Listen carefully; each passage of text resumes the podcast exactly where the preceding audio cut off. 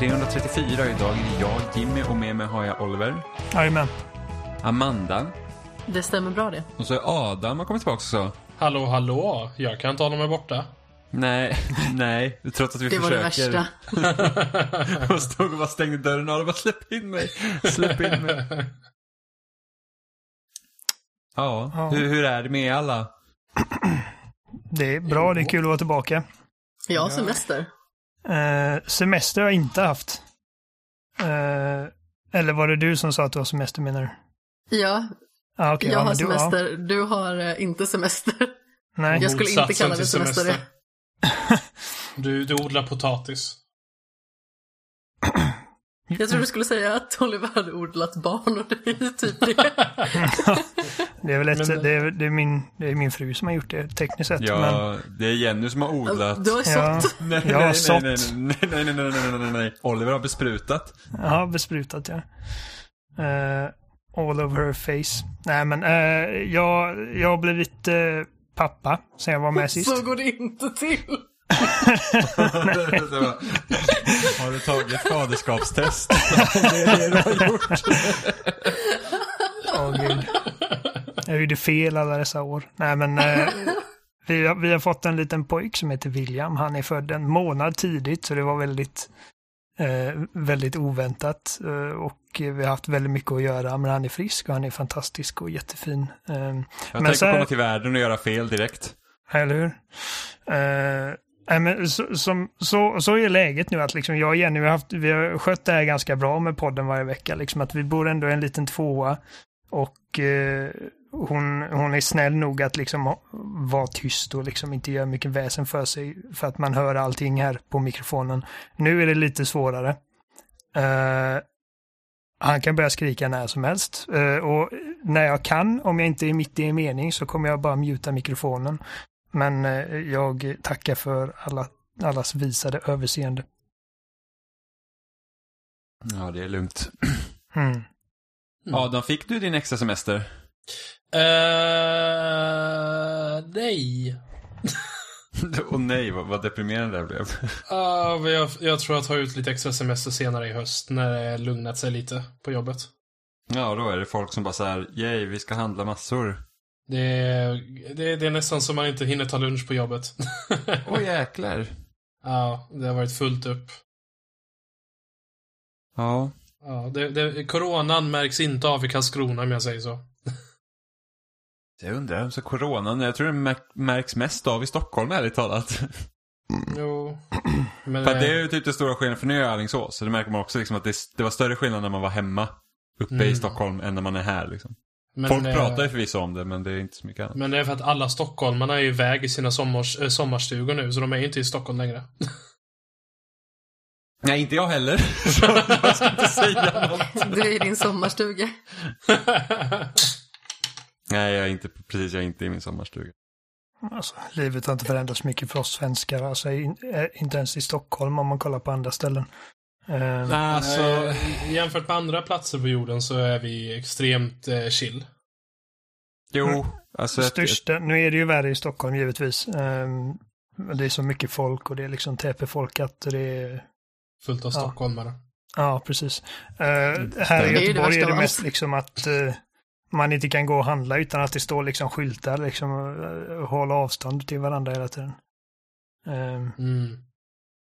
Och man får inte följa med på BVC och sådana grejer. Ja, precis. Nej, jag tror, jag tror att hade, hade det varit masktvång så tror jag det känns annorlunda också. För det är Jo. liksom stora snackisen, speciellt i USA, liksom att folk typ såhär bara, åh, ni tar ifrån mig mina rättigheter för att jag måste bära mask Ja, liksom som en jävla liten fyraåring liksom. Ja, alltså Eh. jag hade inte haft något emot masktvång i Sverige. Bara de hade varit lätta att få tag i hade jag inte haft några problem med det. Nej, och sen att folk liksom faktiskt har suttit i karantän, liksom att de, de liksom kan Mm. inte lämna sina hem och det har ju inte vi heller haft. Nej. Nej. På det sättet. Alltså största skillnaden för mig under våren var ju det att, liksom att universiteten stängdes. Så att jag hade liksom distansundervisning. Mm. Och då hade vi liksom C-uppsatsskrivning så då är det ändå inte i skolan. Så att för mig var det inte så mycket annorlunda. På det Nej. sättet. Det är ju nästan blivit lite löjligt på vissa håll här i Sverige när många liksom säger Ja men eh, karantän hit och karantän dit och ja nu när man sitter- i karantän. Men du sitter inte i karantän, du får gå ut precis som du vill. Det är ifall du är sjuk och du väljer att liksom för att man, man ska ju helst sitta inne för man är dålig. Alltså, Men- men social är ju distancing inte- är ju fortfarande rekommenderat. Till exempel, det kanske, man, man kanske Herregud, borde ja. minimera mängderna man går ut på krogen. Eh, liksom. Eh, jag gör ju ingenting sånt längre. De enda jag umgås med är mina kollegor. Eh, som jag ändå umgås med på eh, dagjobbet liksom. För det Ja. är liksom, eh, liksom en, en av oss sjuk så är alla andra sjuka ändå. Ja. För alltså, jag har ju Pandemi mina det klasser och sådant. Vad sa du? Jag har ju mina klasser och sådant så jag träffar ju Mm. folk på det sättet men alltså sedan corona började liksom eh, spridas så då har det liksom varit att man ska hålla avstånd. Jag tar ju inte klassbiljetter till exempel.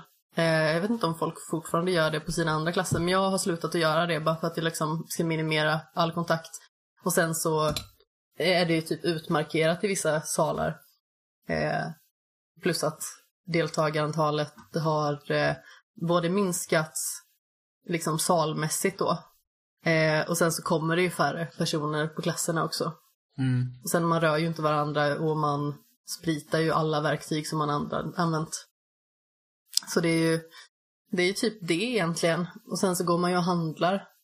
Men för övrigt så har jag liksom inte hängt runt så mycket egentligen. Mitt jobb dessutom har ju verkligen, eh, det har ju exploderat av att eh, den här pandemin startade igång. För jag får ju göra vissa uppgifter administrativt som inte hinns med på eh, vissa delar av organisationen. Så då har jag massa andra uppgifter än eh, de jag vanligtvis gör. Så jag hade lite eld i röven i torsdags och fredags för att eh, det var liksom en uppgift som tog väldigt lång tid som jag ville bli klar med. Och jag satt liksom och plöjde då från klockan halv sju på morgonen till, till klockan två på dagen. Nonstop. Så att fingrarna, fingrarna typ glödde. Så eh, det var skönt i alla fall i fredags morse så blev det klart. Så jag kände att jag behövde liksom inte stressa in i sista sekund i alla fall in till semestern. Mm. Men eh, i torsdag så var jag lite nervös faktiskt att jag skulle behöva jobba över på fredagen. Det hade varit väldigt sorgligt när man ska gå på semester liksom. Ja. Men eh, Mm. tv-spel. Ja. ja. Eller Sitta hemma, och, videospel. sitta hemma, precis videospel. Mycket bättre ord än tv-spel. Väldigt. Mm. Åh, bra Adam att du håller med. Mm. Det är därför jag är med dig, bara säga ja. Jag, jag, är, jag är alltid medgörlig. Mm. Det är vad jag är känd för. Jimmy behöver någon som håller med honom. Medgörliga Adam. Jag, jag har aldrig bråkat med någon någonsin. Det Nej. är bra. Jag älskar hur beklämd Oliver lät. Nej. Och Adam har aldrig varit liksom oöverens om någonting. Nej, nej, nej, nej. Vi håller alltid med varandra. Allt i armkrok. Mm. Eh, nej, men var ska vi börja någonstans? Jag vet inte, jag känner bara Oliver, nu när du har blivit förälder, har du hunnit spela? Är, är du klar med andra varvet Red Dead 2? Ah, nej. Eh, nej, eh, dels för att, jag menar, jag har faktiskt blivit klar med ett andra varv och läst av Us 2. ja, du, du har blivit klar med det? Ja, jag tog Platinum-trofén. Eh, och eh, sen kom ju Ghost, så det är liksom balls deep i. Och eh, jag har spelat en hel del eh, Gran Turismo Sport helt plötsligt av någon anledning. Jag vet inte varför. Jag tror det var för att Adam bara nämnde det. Du sa typ Ja, att ja. du... Jag klagade på att det tog tid att uppdatera. Ja, och jag bara... Och då kollade jag liksom... Ja, nu, ska jag, nu, ska jag, nu ska jag spänna mina internetmuskler. Så här snabbt uppdaterar jag mitt spel. Spelar jag något då? Nej. jag har det på skiva, så jag, jag tittade i hyllan och så hittade jag det inte någonstans. Jag bara, vad fan? Och så kom jag på att, ja, just det, jag lånat ut det till min svåger och så fick jag hem det. Ehm, och så slängde jag i det bara och jag vet inte, jag har blivit jätteintresserad av så här typ motorsportspel. Så det är nästan nu liksom att Gran Turismo 7 är topp tre av mina liksom mest fram emot sedda som vi såg på Playstation-eventet. Vilket inte... Vad har hänt Oliver? Jag vet inte, det är bara någonting med Gran Turismo som är så jävla coolt. eh, Jag och spelar det på tok för sällan, men jag älskar Gran Turismo Sport. Jag älskar hur det känns. Det, det, alltså jag då som är väldigt så här, racing virgin i princip. Eh, jag spelar ju egentligen bara Forza Horizon och eh, en del Forza Motorsport. Mm. För jag älskar hur de känns. Eh, och min första liksom, reaktion på Gran Turismo Sport var liksom, det här känns inte alls som jag tycker att det ska kännas. Men det är liksom... Det spelet vill att man verkligen tänker på liksom fysiken på ett annat sätt. Ja, alltså, när man pratar simulator så tycker jag sport känns mycket mer som en faktisk simulator. Eh, Bara tutorial-delarna är så jävla ingående. De snackar liksom om the Apex och typ eh, liksom eh, vad kallar det, varvgång eller eh, så här, Eh. varvantal eller mm. och eh, alltså de går verkligen detaljerat in på liksom varenda liksom mikroskopisk grej som händer på ratten, på växellådan och motorn. För att liksom ta varenda kurva så effektivt som möjligt. Och en grej som jag verkligen älskar med Gran Turismo Sport är att jag skulle hoppa in i mitt första race eh, online. Multiplay-delen är så jäkla bra. Uh, och så ska jag trycka på liksom join race så står det bara du måste, du måste ha liksom ditt certifikat i sportsmanship. Jag bara, vad fan är detta för någonting? Och så var det liksom ett litet avsnitt då uh, i menyn någonstans när man ska gå in och så ger de dig liksom två olika ganska långa videos om vad är liksom sportmannaanda? Och vad är liksom ett, vad är en sport? Det, ja, men det är någonting man gör för att det är kul och för att det utmanar en. Och det, det är någonting man gör för att ha kul med andra människor. Och det är liksom, det handlar om eh, ja, sportmannaanda och allt det där. Och liksom att de, går igenom, man får inte köra in i sina liksom medspelare. Man får inte preja ifall du ens nuddar någon i det spelet. Så får du liksom, då kommer spelet automatiskt sakta in dig.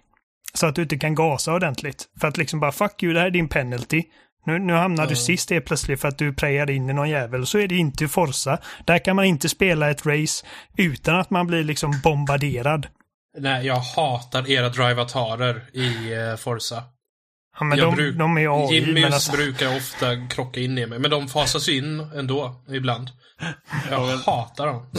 Men hallå, så här, så här spelar jag Forza Horizon. Och så här, jag spelar inga bilspel förutom Mario Kart online för att av, av den anledningen, liksom att, att folk liksom inte kör rätt.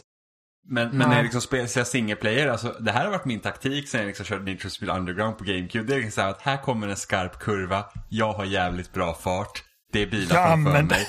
Sladdar in i den bilen som är framför mig så att den liksom tar emot stöten in i sargen och sen är det bara, sen är det bara raka spåret för mig. Det är bara gasa på igen. Precis, precis. Och det ser man folk göra i Forza hela tiden. Och jag, menar, jag har gjort mig skyldig till det också. Eh, men här, det där funkar inte här. Ifall du kör in i, i kanten på banan, eller om du kör på gräset, eller om du nuddar en annan spelare, eller om du liksom försöker blockera en annan spelare genom att, du vet, swerva så här framför. Så att man inte kan köra förbi. Då får du en penalty. Och det är liksom allt från Alltså, jag, jag tror jag läste någonstans att liksom, det kan bli så illa att du liksom får en hel minut avdragen. Så att du liksom måste krypköra fram i en minut, vilket är helt sjukt. Jag vet inte vad du måste göra för att få så långt straff. straff. Det vanligaste är väl typ 3 till 5 sekunder ungefär. Och då kommer man till en liksom till en linje, eh, penalty-linjen på banan. Och då bromsar bilen automatiskt in och det finns ingenting du kan göra för att liksom få upp farten förrän de sekunderna har gått. Och jag bara Men, eh, älskar det, för plötsligt så är det liksom att folk verkligen, de använder till och med. jag, jag har sett folk använda eh, liksom sina blinkers för att markera att jag svänger nu. Eller typ, du kan köra om mig nu. Liksom. Ja. Eh, Men, men är spelet bra på att registrera det så att inte någon dundrar in i dig och sen får du penalty för att det räknas som en krock? jag har aldrig fått en penalty för att någon annan har dundrat in i mig. Så att spelet sen- är bra på att känna av det. Däremot, Sen är också, spelet är också jäkligt snabbt på att ghosta folk om det börjar bli krockar och sånt. Så Precis. minimerar det väldigt mycket. Det känns Och- väldigt ja. betryggande. det känns väldigt smart uppsatt. Liksom, ja, och, och, även när du liksom får en penalty och saktar in så ghostas du med en gång så att de som är bakom dig inte plötsligt bara kör rätt in i röven på dig. Uh, mm. det, det, enda som är liksom inte, antar jag, inte helt perfekt är att jag har råkat liksom snudda vid en bil. Uh, Råkat skrapa lite. Precis, och jag inte har fått en penalty. Det har aldrig varit så att jag har fått en penalty som jag tycker är orättvis, men det har varit ett par gånger som jag känner att jag borde ha fått en penalty där. Och så har jag inte riktigt fått det. Men alltså idén är fortfarande där, liksom att man, man kör ju inte in i folk för att testa ifall man får en penalty eller inte. Man vill absolut inte ha en penalty. Så alla håller sig liksom, de olyckor som händer, det känns verkligen som att de händer för att man är liksom ovan eller för att man eh, inte kan banorna tillräckligt. Att det är liksom ing, det är inget trollande liksom. Folk är inte otrevliga. Det känns väldigt liksom professionellt och ja. bara trevligt. Ja, jag tycker om det. Jag, jag, jag blir, nu blir jag sugen på att starta upp det och köra lite multiplayer. Jag är värdelös. Uh, alltså varenda match som jag kör och jag inte kommer sist så är det liksom okej, okay, jag tar det som en vinst. Jag tror att mm. jag tror att mitt rekord liksom är väl typ så här, sjunde plats på så här, 14 spelare eller vad det är. För att folk det, är så jävla duktiga. Jag fattar inte. Alltså, men det jag tycker om mest med tonen i Gran Turismo och Gran Turismo Sport är att Gran Turismo är ett spel där det känns som att eh, spelet i sig vill att man själv ska bli en på riktigt bättre förare, även fast man spelar ja. tv-spel. Allting i spelet är liksom där för att göra dig bättre och liksom förstå bilen bättre och förstå fysiken. Eh, och förstå kurvorna och banorna. Mm. Eh, så om det är något, liksom Forza har varit väldigt bra på det att liksom smitta av sig med sin entusiasm för bilar. Mm. Medan jag tycker Gran Turismo är väldigt bra på att liksom eh, skänka dig en entusiasm för sporten. Mm. Eh, det är bara jävligt kul. Och det är online så finns det liksom inga assists och grejer. Jag tror att du kan välja ifall du vill köra automat eller manuell. Men du har ju ingen traction control, du har ingen eh, så här countersteer tror jag de har stängt av. Det är massa sådana assist som jag då är van vid från Forza-tiden. Som bara försvinner liksom. Mm. Eh, så om du tar en kurva och du gasar lite för tidigt innan du har liksom planat ut, då, liksom, då, då är det kört. Mm. Um, och det är frustrerande, men, men det, det äggar den också till att bli bättre. Men sport är typ som, alltså det, det är den riktiga uppföljaren till Gran Turismo 6. Uh, det är inte va, riktigt är, Vad är skillnaden på liksom Gran Turismo Proper och sport? Det ja, som är skillnaden mellan sport och uh, det, det är att dels är det mindre innehåll i sport. De typ tog bort allting onödigt. Så sett. Det är inte lika många typ, åh mormors uh, Citroën-bil. Uh, så. Det, det, är inte, det är inte tusentals bilar. Alltså, är, det, de, är det mer fokuserat på liksom, alltså är det då sport, sportbilar då? Liksom, att du, du, kör, ja, du kör inte runt med någon liksom... Utan, generellt utan sett så är det mer, äh, äh, en mindre mängd bilar men de är mer fokuserade på motorsport och tävlingar. Ah, okay. Så liksom... Det finns ju gamla bilar och sånt men ändå bilar som jag känner liksom åtminstone någon gång i tiden har varit liksom. Ja men det är typ äh... så här, som om man tänker då Horizon äh, motsvarigheten till liksom 1970s äh, Ferrari liksom. Ja precis. Mm. Ah, okay. Eh, men alltså förutom det som Adam sa vet jag faktiskt inte vad det är som skiljer. Alltså jag tycker det känns som ett fullgott spel. Det känns inte som en liksom typ själlös spin-off på något sätt. Nej, nej, nej. Jag, jag tycker att det känns mer som ett fo mer fokuserat spel. Lite, det, mi lite mindre i skala då? Ja. Uh, sen vet jag inte hur det kommer bli med nästa uh, Gran Turismo. Om de ska liksom ha 10 000, inte 10 000, men alltså tusentals bilar och sånt igen. Um, men, eh, alltså jag, de... Det enda jag hoppas är på att den här liksom sportsmanship-andan eh, fortsätter till nästa spel. Jag vet inte hur det har varit i tidigare spel. Eh, inte jag heller. Jag har inte spelat men... så mycket Gran Turismo innan. Jag har spelat men... några demos och sånt.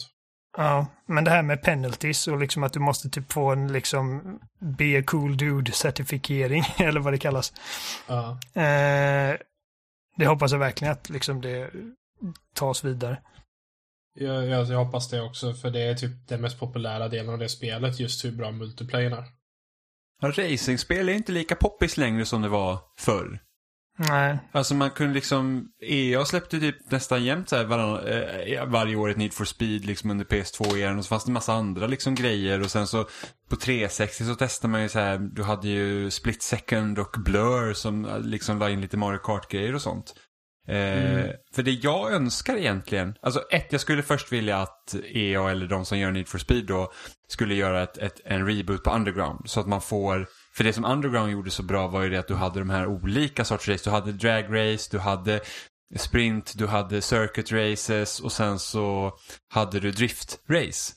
Eh, och Horizon gör ju typ det men jag känner ändå att det är liksom lite mer strömlinjeformat. Alltså, jag verkligen skulle vilja se att det finns Alltså att man har olika former av tävlingar som verkligen känns annorlunda mot annat. Alltså en av mina så favoritexpansioner till, undrar om inte det var första Horizon, var eh, rally. Alltså riktigt rally så du liksom fick han- hantera bilen. Och jag önskar liksom att Horizon 5 eller liksom någonting skulle ha flera olika typer av tävlingar. Och sen faktiskt göra tävling av det och inte som Horizon 4 där det är lite så här att du kan köra lite som du vill. Och det spelar liksom inte riktigt någon roll utan jag vill verkligen att det ska kännas som att man, man tävlar. Horizon man... 4 känner jag lider lite av ett liksom eh, brist på fokus. Jo, men, liksom Ja. att, men att du har liksom så att du liksom, för det gjorde Underground-spelen bra. Det var liksom att nu har du liksom, det här har du din andra driftrace och det handlar om att bli bäst på de grejerna. Eh, och jag skulle vilja ha det igen. Och sen det här att man liksom inte säger att välj vilka bilar du vill ha, utan så här, du börjar fucking med skit och sen får du arbeta upp och få bättre Mm. grejer. Så att man Mm. verkligen känner att istället för att göra vad du vill så är det så att okej, kämpa liksom lite för det här. Man kan ju ställa in massa grejer i Horizon 4, så liksom man, man man, man eh, skräddarsyr sin egen upplevelse. Att nu känner jag för att göra det här och så kan man ju ställa in liksom svårighetsgraderna och eftersom man vill. Men det är bara det att jag motiveras inte av det. Jag behöver liksom att okej, det här är racet du ska klara. Du har en bil som inte passar, så du, lös det. Då blir det Ja, liksom gillar du det. lösa. Så, att, så att det är lite det jag saknar. Eller du att... Ja. Så. En klar progression där helt enkelt. Yes, det känner jag med både med, alltså jag tycker ju fortfarande att första Forza Horizon är bäst. För att där var det verkligen att du ska bli bäst på den här festivalen och då börjar man här och sen så arbetar man hit. Eh, Sen blir det lite lösare i tvåan, lösare i trean och i fyran var det jättelöst. Så att det är liksom, så att jag tror att Forza Horizon 4 är nog det Horizon jag har spelat minst. För att det är verkligen så att jag, jag känner mig liksom inte motiverad till att göra det. Nej, jag, känner, jag startar upp det ibland och bara åh, titta på grafiken och sen stänger jag ner det efter ett race. För att det liksom, eh, jag vet inte riktigt vad jag ar arbetar för, förutom att någon mystisk jävla eh, rankmätare går upp ibland. Bara, Ja, och sen lider lite av det. För jag också startat, för ibland när man, något som jag alltid tyckt var ganska trevligt är så att när man, när man är klar med ett spel och innan man börjar på nästa så är det så här, ja men jag är sugen på lite racing. Mm. Eh, och så startar jag upp Forza Horizon 4 och det är så att jag vet inte ens vart jag ska börja för det är så Nej, det, jäkla det är den här problemet också jag har nu. Eh, Gran Turismo Sport är lite så att det, går du in i ett Championship som kräver en viss bilklass som du inte äger, då kommer du inte in. Nej, för då måste du hi- hitta en sån bil ja. Ja, men då, då Eller får du gå och köpa en sån bil. Ja. Eller köra något annat Championship. Det är Liksom. Mm. Och det kommer jag ihåg från Underground-spelen var ju det att du, du fick ju en bil först. Och sen kunde du köpa bättre bilar. Men sen fanns det också en naturlig progression i att du liksom, du låser upp uppgraderingar efterhand. Så att du köper Ja. liksom bättre motor, du köper bättre bla bla. Så att jag satt, Robin brukar reta med mig för att jag satt ju med min första bil hur länge som helst. Bara, det är så jävla svårt. jag, jag, bara, jag uppgraderar min bil, jag kommer ingenstans. Nej, då måste man köpa en ny bil. Men jag hade gärna sett också att du kan liksom ha samma bil och ta dig igenom en kampanj eller något sånt och bara göra den bättre. Och jag hade samma sak i Need for Speed Most Wanted, som är mitt favorit Need for Speed. Den första Most Wanted, inte den de gjorde till generationen efter sen, eller vad det nu var. Nej, som eh, Criterions, andra, eh, Criterions uppföljare till Hot Pursuit. Ja. Eh, det var inte jättebra, nej. Nej, men det, det första som kom 2005, det älskade jag. Ehm, och eh, där var det liksom, jag kommer ihåg hur jag bara, men jag vill inte lämna min uppgraderade Toyota Supra. Jag, jag, jag vet att jag inte kan vinna, men jag vill inte lämna den. Ja. Den här ångesten. Sen vet inte jag hur eh, Project Cars är, om, om det har liksom mer variation i sina race. Eller Ehm. hur The Crew är till exempel. The Crew Jag har jättesvårt för Project Cars, för den fysikmodellen är så brutal. Så liksom, och sen så är karriärläget i ettan hemskt. För man börjar, man måste köra typ ett par kupper av fucking go-kart. Jag bara, kö- jag, jag, jag, jag köpte inte Project Cars för att köra go-kart. Men det känns lite konstigt att börja med go-kart. Man tänker att man kanske börjar med någon så här skruttig liten liksom folkvagn eller någonting sånt. Men liksom go-kart känns ju lite så här, det känns väl något exklusivt. Det, känns, det känns något som rikemansunga gör på fritiden. så bara, Ja, i där- go-kart. jag, jag var tvungen att tävla i kupper av go-kart innan jag ens fick sätta mig i en fucking bil. Och jag blev sådär bara åh, det här är tråkigt. Och minsta lilla fel så bara spinner man ur. Och jag bara, så här svårt är inte att köra go-kart på riktigt. Ja. Nej, jag, jag har ju Project Cars, både ettan och tvåan som har fått med with Gold. Men jag har liksom inte startat Ah. dem. Jag vill starta två. Sen, men sen också, man måste typ justera en del för att det ska vara spelbart ordentligt med handkontroll. För att det är ofta överkänsligt. Mm. Det är däremot någonting som både Forza och Gran Turismo lyckas så bra med att det känns jättebra att köra med handkontroll. Att man inte känner att man måste gå ut och köpa en Thrustmaster-ratt eller något sånt. Finns det Nej, rattar men- till nya konsolerna? Vad sa du? Alltså finns det bra rattar till Xbox One och PS4? Ja, då, Ja. det finns. När du sa Eh, nya tänkte jag, vadå? Nej, de har inte släppt sen. eh, Det Men- finns... det, Ja, undrar, alltså, Du menar de sju år gamla? jag, jag letar efter ett kap till en ratt till PS5 liksom. Det finns, ja, det finns gott om rattar. Thrustmaster och Eh. Logitech har bra rattar. G29, G209 eller 290 vad det nu heter, 920 och något sånt finns eh, från Logitech och de är ganska populära. Nu ser man bara i menyerna, i options-menyn på eh, Gran Turismo att liksom du kan ställa in för varje specifik ratt. Mm. Och det, det här spelet eh, har gjort mig jävligt sugen på att skaffa ratt, men det, jag känner inte att min lägenhet stödjer det riktigt. Jag var så nära på att köpa en ratt efter, när jag, efter jag fick Gran Turismo Sport för recension och jag var klar med det. Jag bara, "Ah, jag, jag vill ha en ratt. Nej, jag vill ha en ratt. Men till slut bara, nej, jag behöver ingen ratt. Nej, men typ, alltså det är så här, tanken är roligare än vad det faktiskt är sen när man har ratt.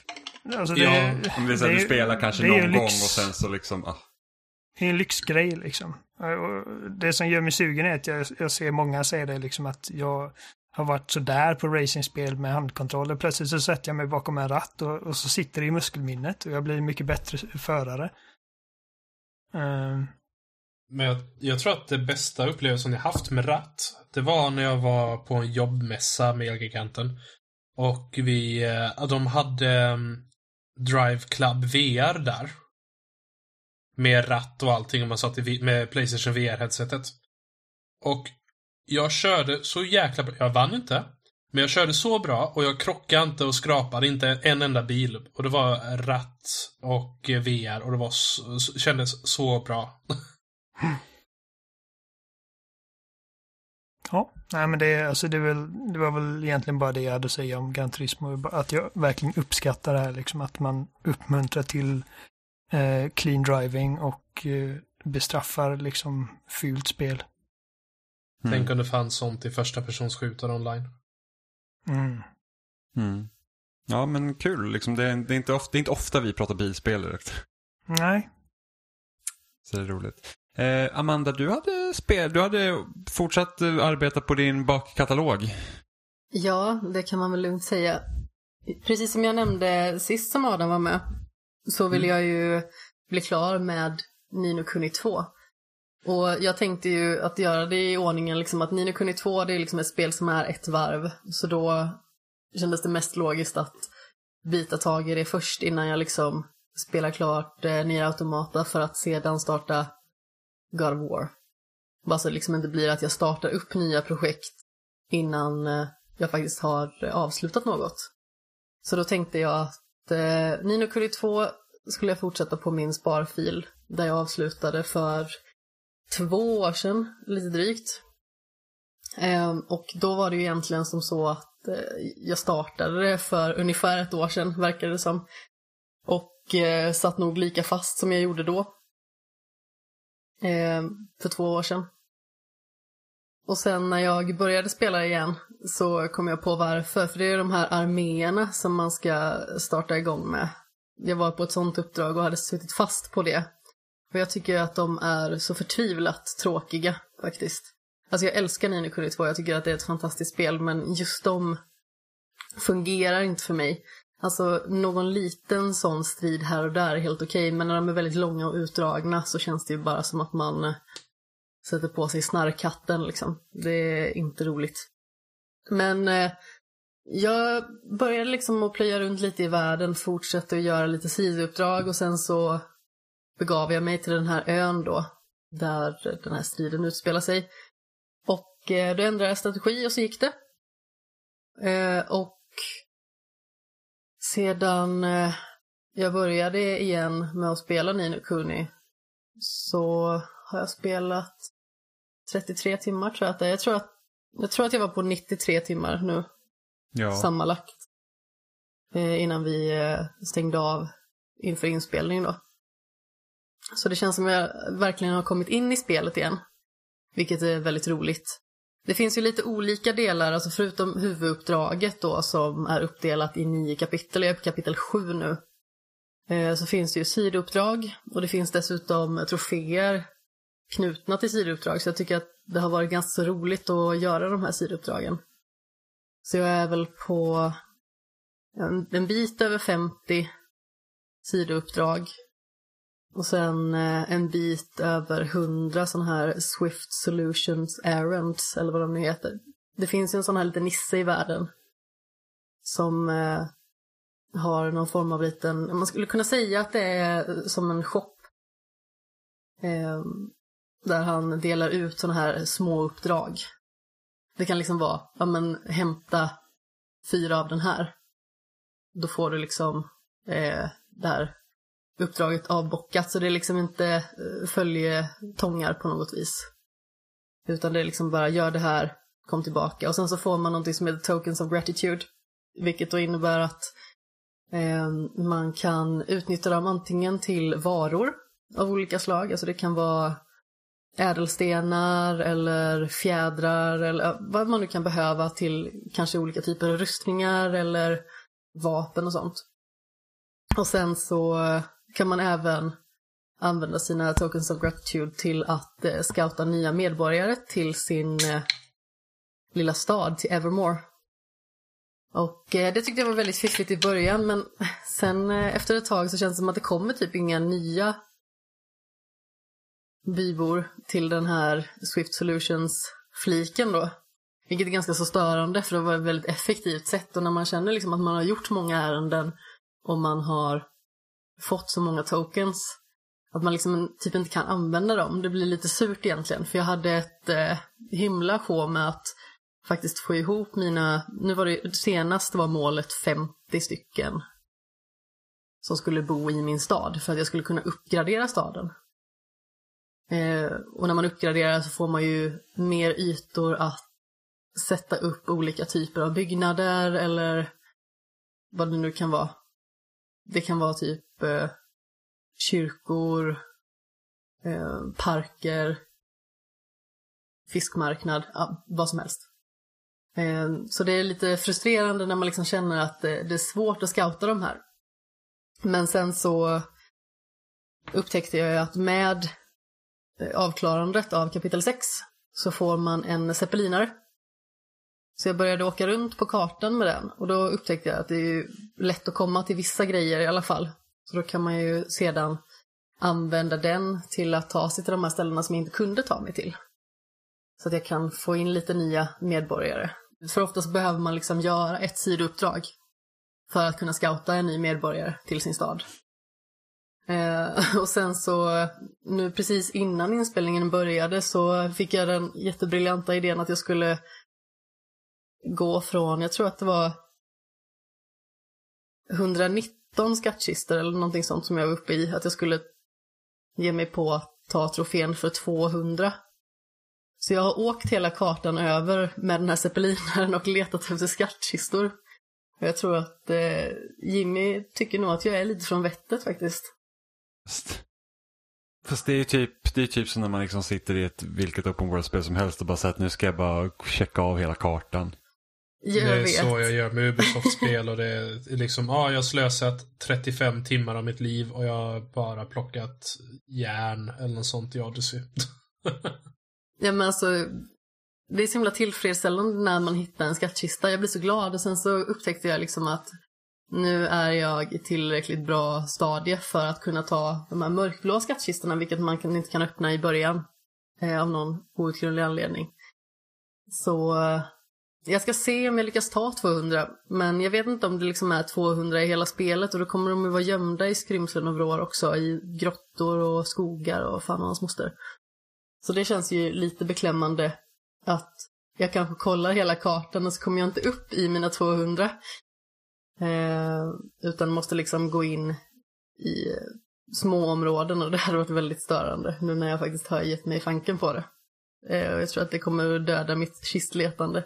Men eh, det känns i alla fall som att jag har gjort väldigt bra progression i spelet, att jag verkligen har kommit in i det igen. Och det är någonstans det som räknas. För jag liksom kände nog fjol egentligen när jag plockade upp spelet att ja, jag ville spela det, men just den här striden eh, som armén, det dödade mitt intresse lite. Och nu när jag kände att, ja men, för bubblan, nu måste jag liksom skärpa mig här. Eh, och bara passera det här eh, beklämmande stadiet. Och när jag väl gjorde det så har det liksom inte varit några problem om jag bara spelat det varje ledig stund. Ja, det är ju typ det värsta när man alltså, kommer till typ spel, alltså man kommer till någon svår sektion eller någonting sånt och man känner bara så här, så här fy fan. Ja, men när det ibland känns som att det här går inte. Ja, eller, eller liksom så här att jag vet att jag kan ta det här om jag bara går typ hit och kanske hittar lite bättre utrustning eller kanske levla lite. Men man känner bara så att jag har fan ingen lust. Och sen när man liksom inte har så stort intresse i de här arméstriderna heller och då liksom inte är helt hundra på vad man ska ta sig till för att förbättra sina stridsförutsättningar, då känns det ju väldigt brunt faktiskt. Så var det för mig, jag spelade ju Bloodstain Ritual of the Night i våras. ja. Och jag liksom så här typ, jag kom till sista bossen arg. och var typ så här att Okej, okay, jag har haft lite problem med vissa bossar genom spelet hittills, men liksom det har alltid gått. Och så kommer jag till sista bossen och blir helt utklassad och var så att okej, okay, ja, in på Google, kolla vad, liksom vad man behöver. Så bara, ja, men du kan hitta bra vapen om du gör så här och så här. Så måste man liksom gå igenom olika delar av slottet och så måste man grinda lite material så man liksom kan crafta de här grejerna. Jag har sagt, Alltså det är inte riktigt det jag tycker är kul. Jag känner liksom att spelet inte har pushat mig under resans gång. Att jag liksom säger att åh det är jätteviktigt att du stannar upp och liksom skaffar, alltså grindar för att hitta bättre gear. Utan liksom antingen så att jag kunde köpa eller så hittar man liksom uh, i, i kistor och någonting sånt. Men här liksom var det så väldigt specifika grejer man behövde göra. Så att, alltså nej, det är inte liksom det jag tycker är kul och då måste jag liksom, det finns inget jättebra fast travel system så då måste jag springa igenom den här liksom stället jag är på liksom tillbaka igen och, och liksom hitta lite bättre grejer och sen springa tillbaka igen för att komma till bossen och var så att nej, så att jag stannar på sista bossen. Jag var så att nej, jag tycker inte att det är riktigt kul.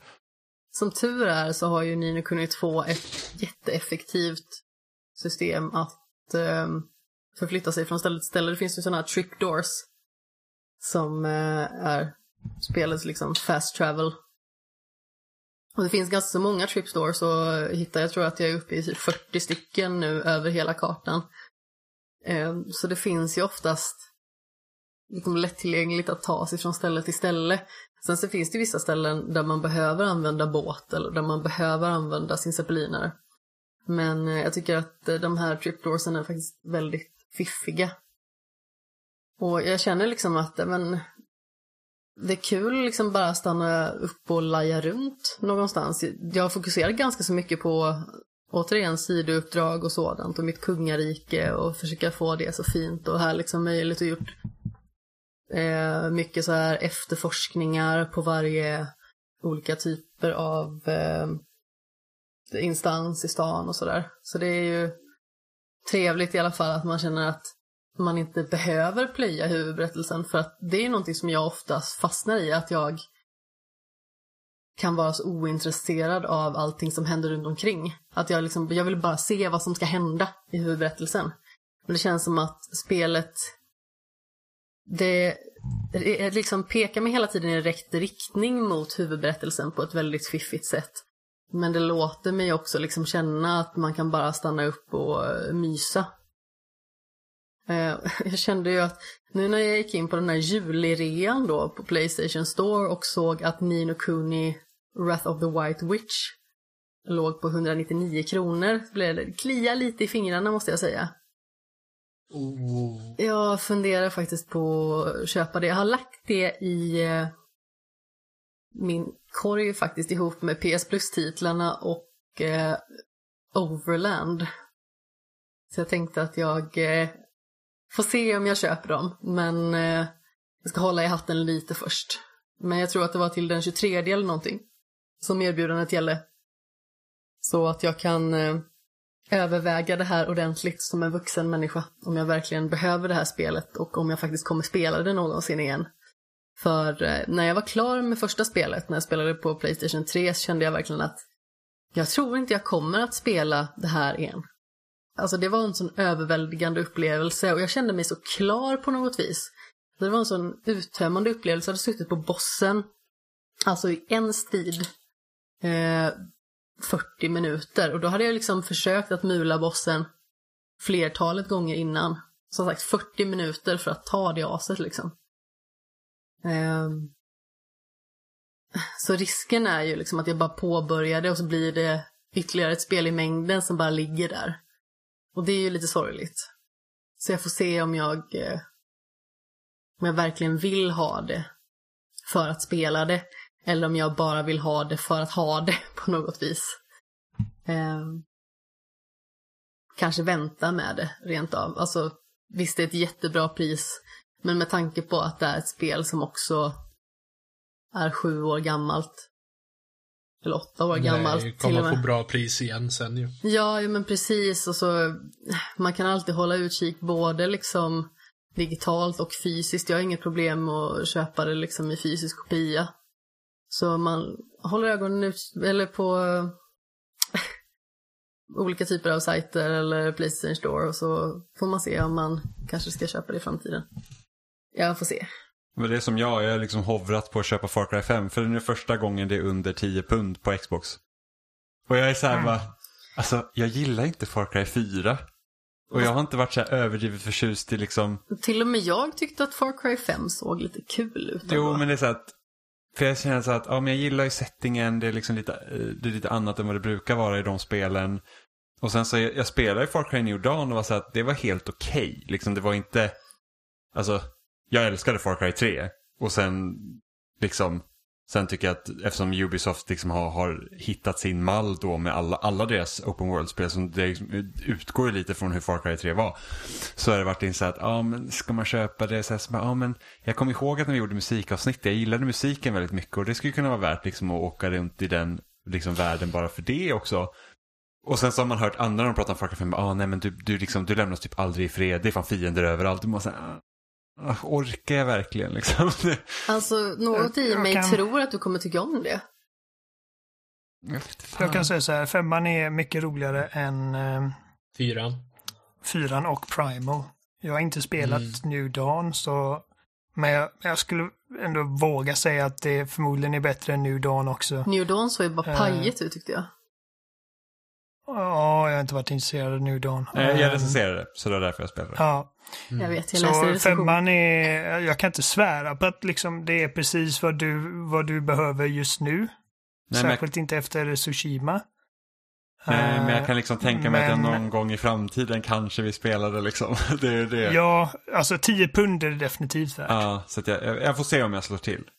Alltså, Så att jag köpte det för nypris och jag liksom ångrar mig inte. Det var inte liksom en världsomvälvande upplevelse. Men eh, det var ändå... Det bästa med Far Cry 4 var ju det ändå när du och jag körde co-op, eh, Oliver. och sen så... Sen så Jag vet med en gång. en sån jävla... En sån jävla galen eh, grävling. Ja, grävlingarna är... Ja, liksom så, här. så vi åkte runt där i någon bil och sen så är den här grävling då som typ mular ner tre stycken eh, liksom fiender då i spelet och sen så hör man där en av de här jävla NPCerna på så ah there's a crazy honey badger. det var så jäkla Watch kul. out!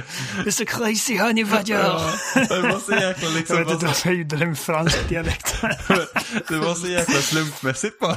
Så här, det jävla galen. Var vi Ja. garvade en timme över det. Ja, det var asroligt. Eh, Alltså, Jag tror jag kom på, alltså jag kom på häromdagen att jag har inte klarat ut ett eh, Ubisoft Open World-spel sedan Assassin's Creed Unity eller eh, Watch Dogs 1.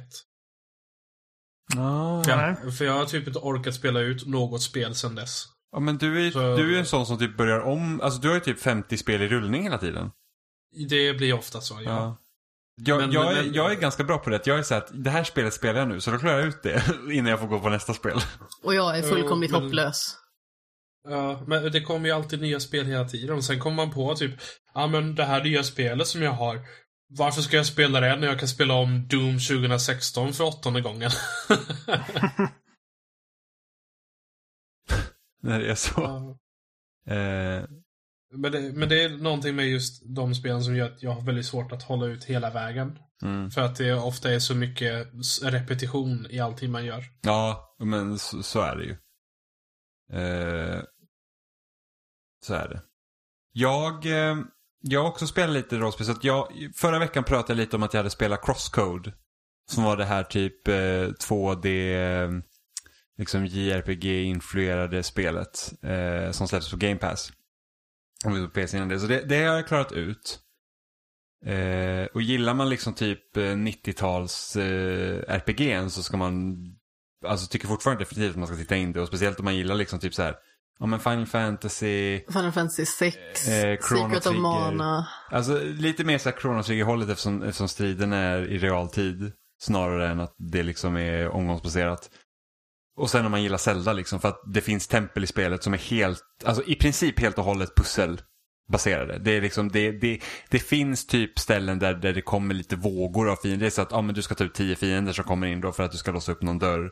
Men mestadels så är det pussel. Eh, där man liksom ska, man använder de förmågor man har till att lösa dem då. Så att, inte som att typ i Zelda där du har liksom, ja, du har en pilbåge och du har en entehake och sen så har du typ en flöjt eller något sånt. Utan du har, du får liksom så här, det finns fyra förmågor i spelet som är is, eld, eh, våg, kraft eh, och eh, el.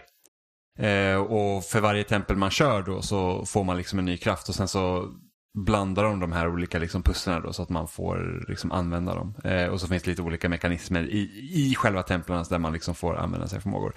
Och alltså ärligt talat, pusslen mot slut, alltså vissa pussel de är liksom helt galna.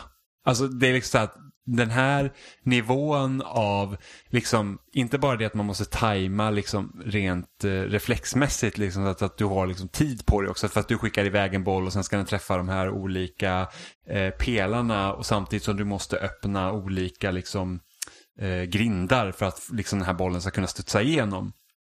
Så allt det måste man liksom tajma ihop och, och, och mot slutet så blir det riktigt svårt. Alltså, nu, nu har ju det här spelet ganska bra då att, att man kan liksom ställa in liksom hastigheten på pusslen. Så att, så att man kan liksom sänka dem. Man säger att nej men det går för fort och jag har liksom inte den här koordinationsförmågan att liksom göra det här så snabbt.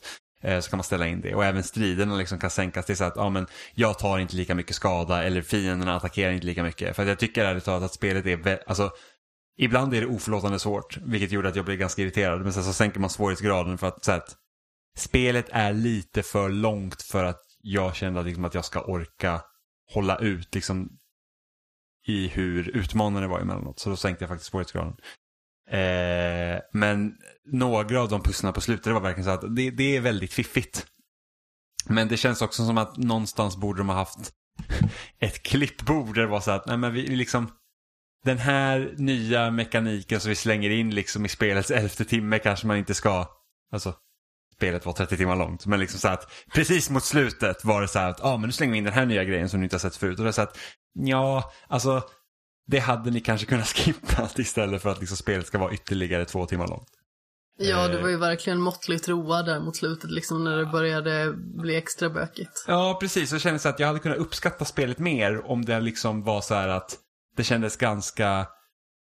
Nej, men alltså när det varit en mjukare kurva, liksom att okej det blir svårare och svårare och svårare, svårare och sen tar spelet slut istället för att det ska vara så att nu jäklar bara pepprar vi på med nya grejer. Eh, men jag tycker ändå det var spelvärt. Jag tycker att det, det är liksom ett väldigt, ett väldigt bra spel. Liksom. Och sen just det att ha den här MMO-förankringen. Liksom att, att man spelar, inte nog med att du spelar ett spel, utan den karaktären du spelar också spelar ett spel. Så det blir typ, alltså har man sett Hack, som jag nämnde förra, eh, eh, förra veckan, så, så då vet man ungefär vad Eller typ Ready Player One är väl liksom kanske ett, ett, ett närm, liksom inte lika smalt eh, referens. Förutom att det här spelet inte liksom typ, åh vad kul det är att, att ha massa referenser i vårt spel, utan det är liksom en, en egen värld så att säga. Det är inte som att de slänger in Zelda-referenser för att Zelda existerar i deras universum utan det är den här eh, Crossworld tror jag eh, spelet heter som de spelar.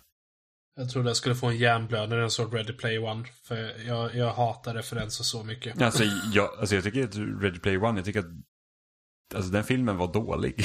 jag tyckte inte att den, alls var bra. Den är genuint dålig enligt mig också. Ja, jag har inte läst boken så jag vet liksom inte, jag har ju läst utdrag ur den. Men det är liksom så här att, alltså, det, det är lite den här värsta grejen som Alltså, det känns lite som att Ready Player One är liksom som den, den värsta typen av gamer då som så här, liksom, så här, lite gate, alltså att man, man mopsar upp sig i hur mycket man har sett, spelat eller läst.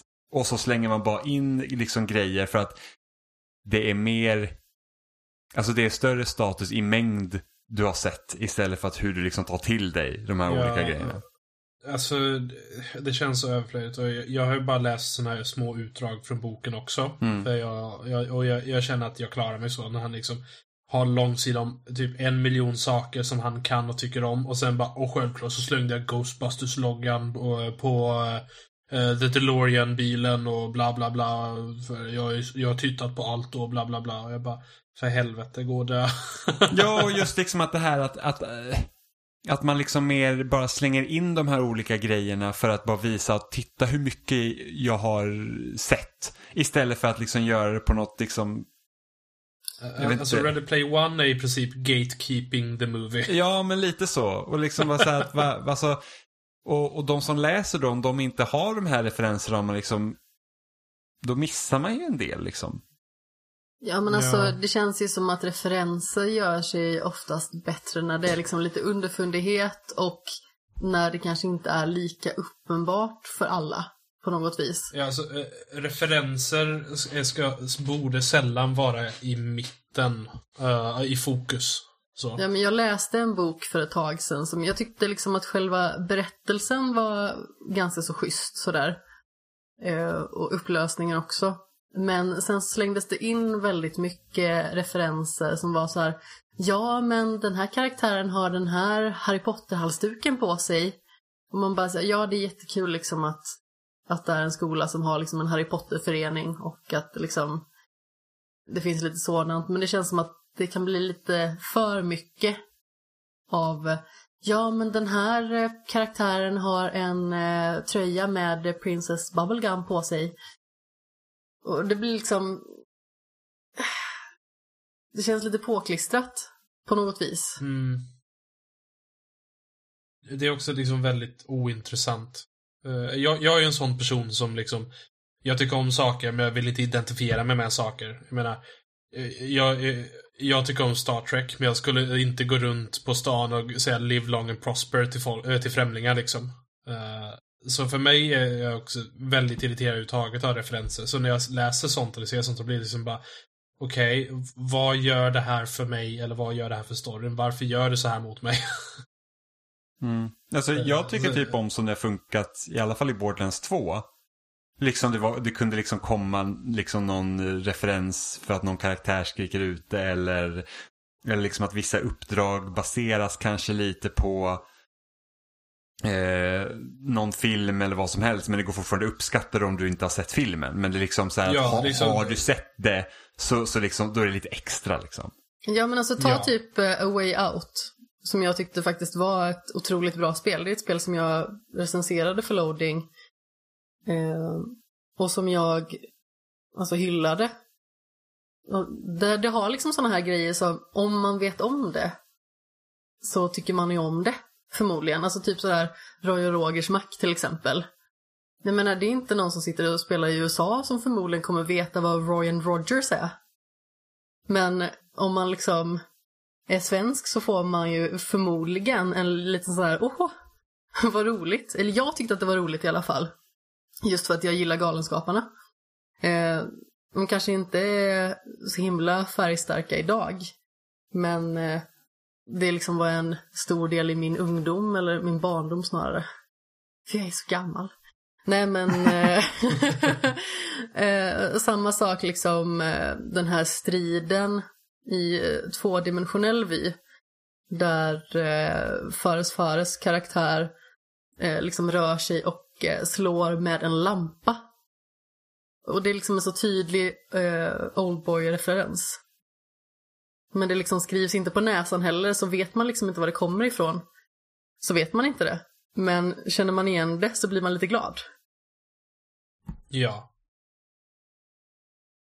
Sådana referenser får inte mig att liksom krypa i skinnet. Det tycker jag om också.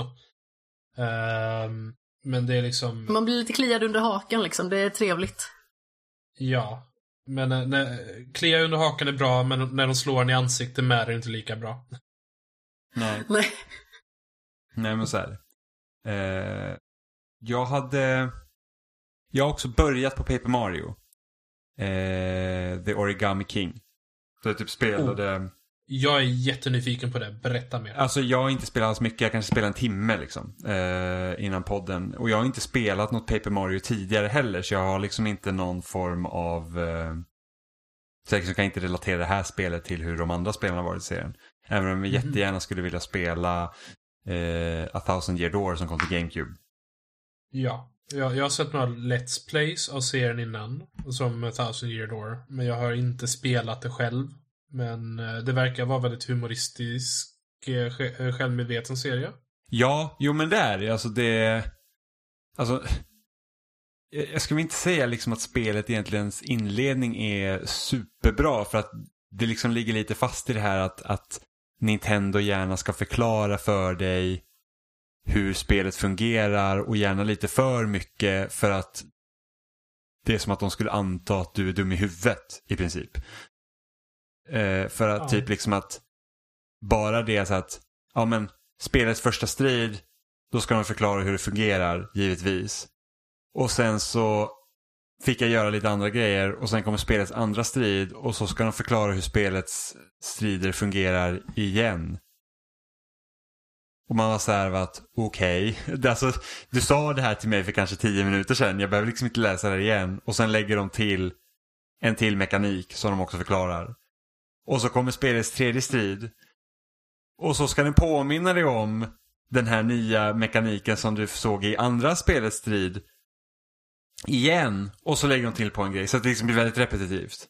Eh, men annars så liksom. Så att de har ju liksom. Där, där är ju liksom en omgångsbaserad strider liksom i det här spelet. Och, och det, det verkar liksom som på förhand som att. Det handlar om att du liksom ska linea upp fiender. För att, för att fienderna är liksom som på ett hjul. Eh, och så ska du linea upp dem och står de i rad så kan du liksom hoppa på dem och då kan du göra, du kan liksom maximera din skada på det sättet. Så att det liksom verkar vara liksom en lite så här finurlig twist till striderna. Problemet är att det verkar inte så jättesvårt för att hittills har jag aldrig tagit skada i en strid. Eh, och vad jag har läst liksom på nätet och vad andra så här att, att för att det finns liksom inga levels eller så i spelet så att Mario har liksom ingen level så du får liksom inte XP i striderna utan du får mynt istället.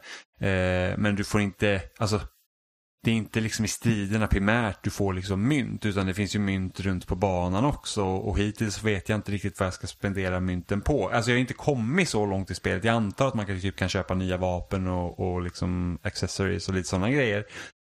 Men jag har liksom nästan 10 000 mynt och jag vet inte riktigt vad jag ska spendera det på. Eh, och sen så kan man få då konfetti i striderna och konfetti kan man använda till att reparera ihop världen liksom genom att fylla igen hål och sådana där grejer. För liksom premissen i The Origami King är att det är någon så här origami-filurer liksom som har kommit och liksom tagit iväg eh, Peach slott. Eh, och gör om liksom de här klassiska Bowser Minions till origami-versioner istället av fienderna. Eh, så vilket gör liksom att, att när man träffar på liksom typ Goombas och sådana här grejer och de bara så här, så gud det är liksom någon liksom gör Alltså någon liksom typ tar, alltså för att, för att så, som man säger, en vanlig liksom Paper Mario-figur liksom är ju en platt version av Mario liksom. Och sen har du då liksom origami är ju liksom vikt papper så att liksom, de viker ihop de här Goombasarna så att de ser liksom, de ser fortfarande ut som Goombas men de ser ut som en konstig version av Goombas för att de har liksom blivit vikta.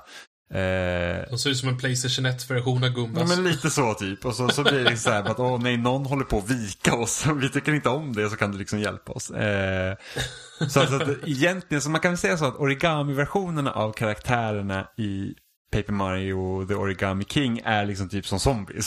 För att det är liksom så här att man träffar, alltså ganska tidigt i spelet så träffar man en Goomba och säger på åh gud så här Mario, jag är liksom, jag är ett ganska stort fan av dig. Och sen så bara, och just det, men vi är liksom inte på samma sida. Så att jag var såhär, ja jag har alltid velat slåss mot dig typ. även, om, även om den här Gumban inte har velat göra det utan bara velat träffa Mario. Eh, och sen så blir då den här, den här Gumban tas då iväg och sen så blir det en origami Goomba och då liksom blir det typ som, alltså då blir det så att, åh vi ska känna igen då att det här är Goomba som har Mario som sin största fan men har då liksom blivit en origami och då liksom blir det liksom av ett monster.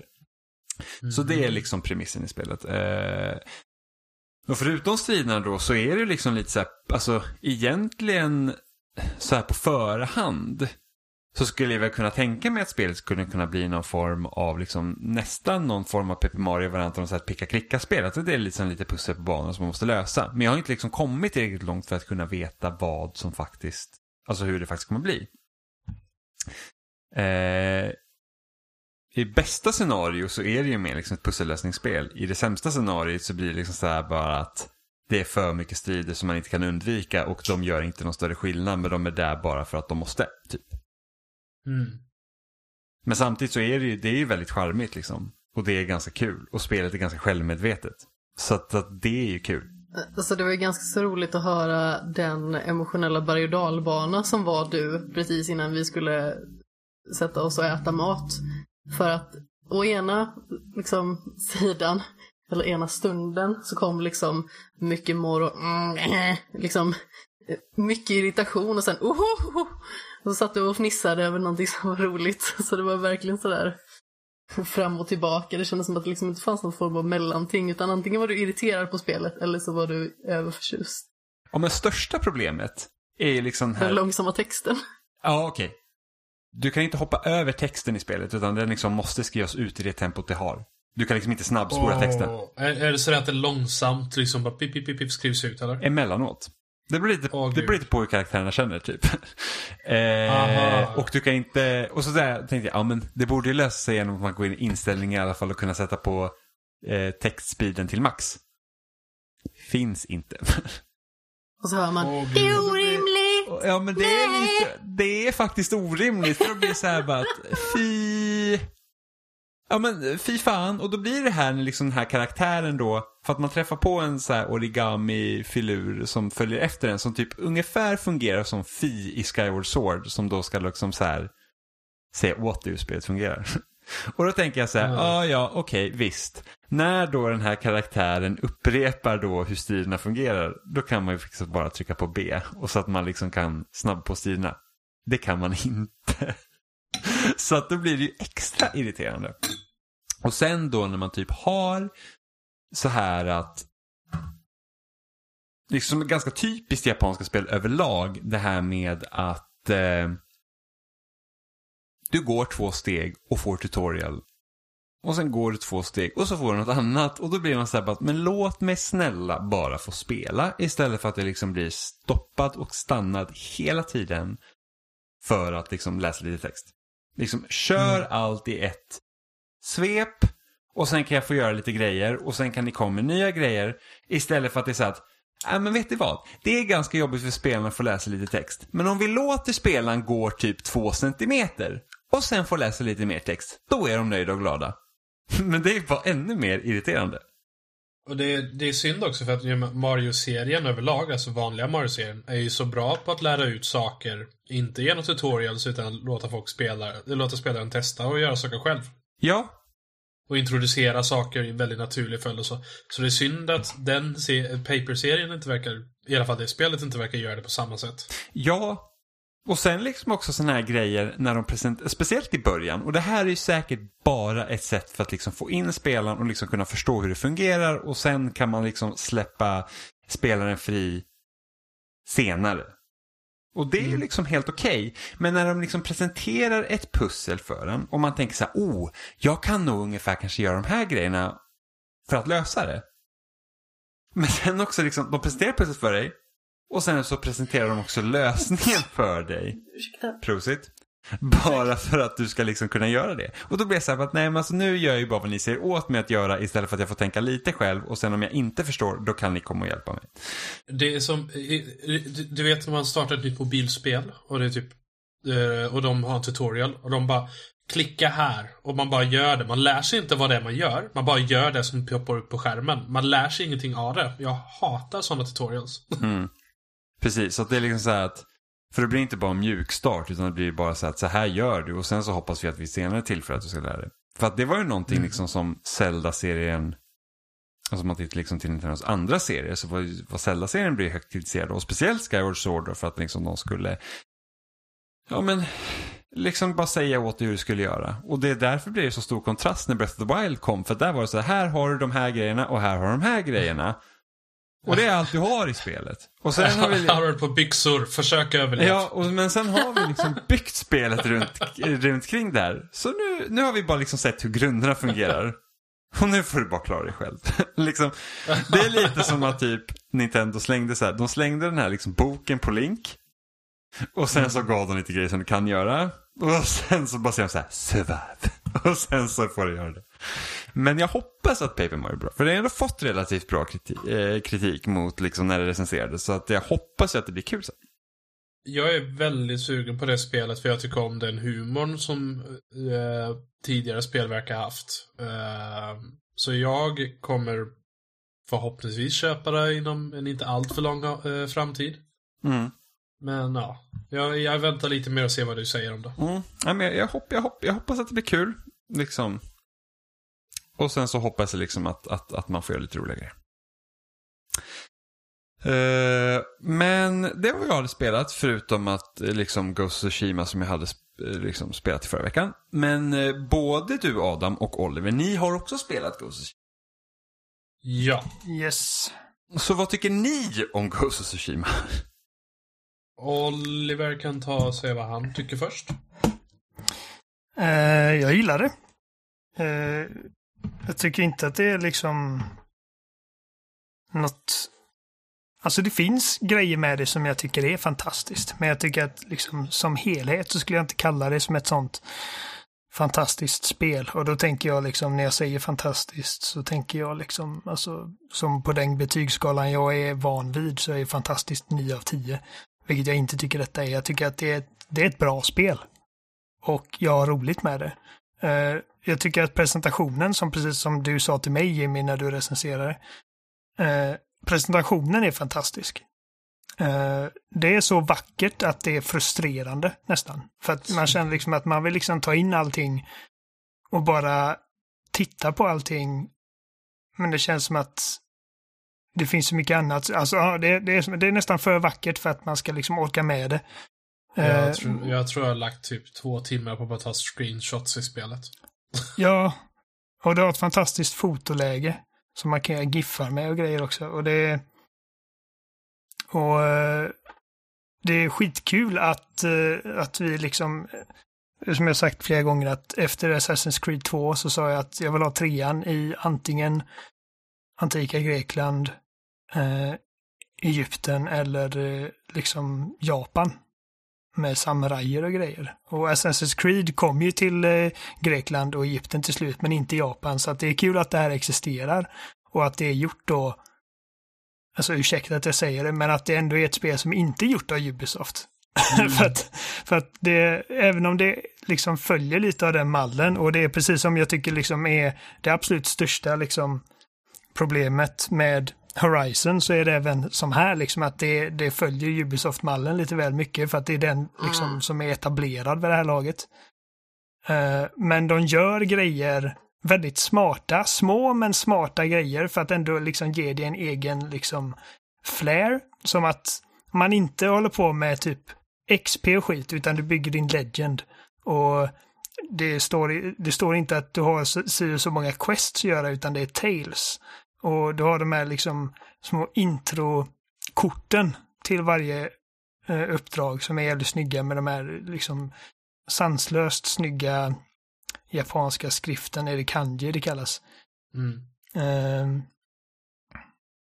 Eh, och eh, alltså jag tycker att eh, det de har snackat mycket om, alltså utvecklarna, Sucker Punch, att de verkligen vill få till rätt, det är liksom att det ska, att din katana ska verkligen kännas eh, liksom rakbladsvass och eh, det är inte ett spel där du bara liksom mindlessly trycker på massa knappar utan att ett liksom välplacerat eh, hugg kan göra enorm skillnad. Och det tycker de har lyckats med. Eh, jag tycker, jag har inte tröttnat på att liksom eh, slåss med svärdet. Det, det känns väldigt bra. Och eh, alltså bara liksom återigen hur jävla vackert det är liksom med, med alla fantastiska färger. Och jag vet att det finns folk som har spelat det här liksom, jag vet inte, Karisawa Kuros- eller vad det Kurosawa. heter. Ja. Kurosawa eh, mördar det- alltid svartvitt. Precis. Svartvita filtret med så här typ filmgrain och grejer som också i och för sig har liksom en väldigt estetisk, har ett estetiskt värde. Men jag förstår inte hur man kan spela det här spelet och beröva sig på alla de liksom explosiva färgerna som det här spelet erbjuder. Hur långt har du kommit? Alltså, Jag är klar med första regionen. ja, du, så, så, du är liksom klar med första akten helt enkelt? Precis, jag har påbörjat akt två. Och det finns ju fortfarande små grejer att göra i liksom den första regionen. Men, men rent storymässigt så har jag tagit över det första fortet, om man ska säga. Ja, jag vet. Jag har också precis börjat på akt två. Jag återvänder till första Mm. området för att plocka upp lite mer eh, uppgraderingar och sånt. Mm. Du, det lät som, att- som att du hade en invändning där när jag sa att det följer Ubisoft-mallen lite. Alltså, det, du har ju inte fel. Du har ju, du har inte fel. Eh, på det sättet. Men, det känns, det, det är liksom såna här massa sidogrejer och sådana saker att göra och det är ganska, det, det, det blir lite mer som en checklista lite, när man är lite längre in i spelet. Ja, det. Men eh, det känns inte riktigt lika bara kvantitet som Ubisoft ofta lider av. Alltså det är inte, det är inte som liksom att när du öppnar spelet så när du tar upp kartan så liksom blir du våldtagen av Nej, alla de det är här inte liksom som Assassin's ikonerna. Creed Unity där, där Paris-kartan är så proppad med saker att hela spelet laggar. Det får jag säga att de, de har mycket mer liksom, även om det finns liksom frågetecken och grejer som du liksom aktivt jagar på kartan så de flesta grejerna jag känner att jag liksom snubblar över händer organiskt. Och det är någonting jag tycker är väldigt viktigt för att liksom hålla en open world färsk och liksom levande. Att allting inte händer för att jag liksom tittar på en lista och bockar av det utan att jag bara existerar i den här världen och äventyren liksom bara, jag bara snubblar över dem. Eh, Ja, och de har ju några snygga, ursäkta, Nej, nej, nej, du, fortsätt du. de har ju, till skillnad från Ubisoft så har Sucker Punch visat enorm, enormt prov på bara känsla för stil i det här spelet. Ja. Eh, att de, de har försökt liksom lösa grejer på ett väldigt elegant sätt istället för att liksom bara proppa skärmen med så mycket jävla HUD-element och liksom markörer och jävla bullshit som möjligt så har de en sån liksom eh, liksom med, alltså givet ganska liksom gimmicky grej men, men ändå så, så trevlig grej att de låter vinden föra dig i riktningen som du är på väg mot. Istället för att bara ha liksom en kompass eller en karta. Och det gör också att man inte liksom stirrar sig blind på en kompass och man följer vägar utan du följer liksom ett riktmärke, liksom någonting som liksom naturen tar dig på en resa liksom. Eh, och sådana små saker som att om du ser en eh, liksom eh, sån här guldfärgad fågel, att du följer efter den och den kommer leda dig till en plats du inte upptäckt än.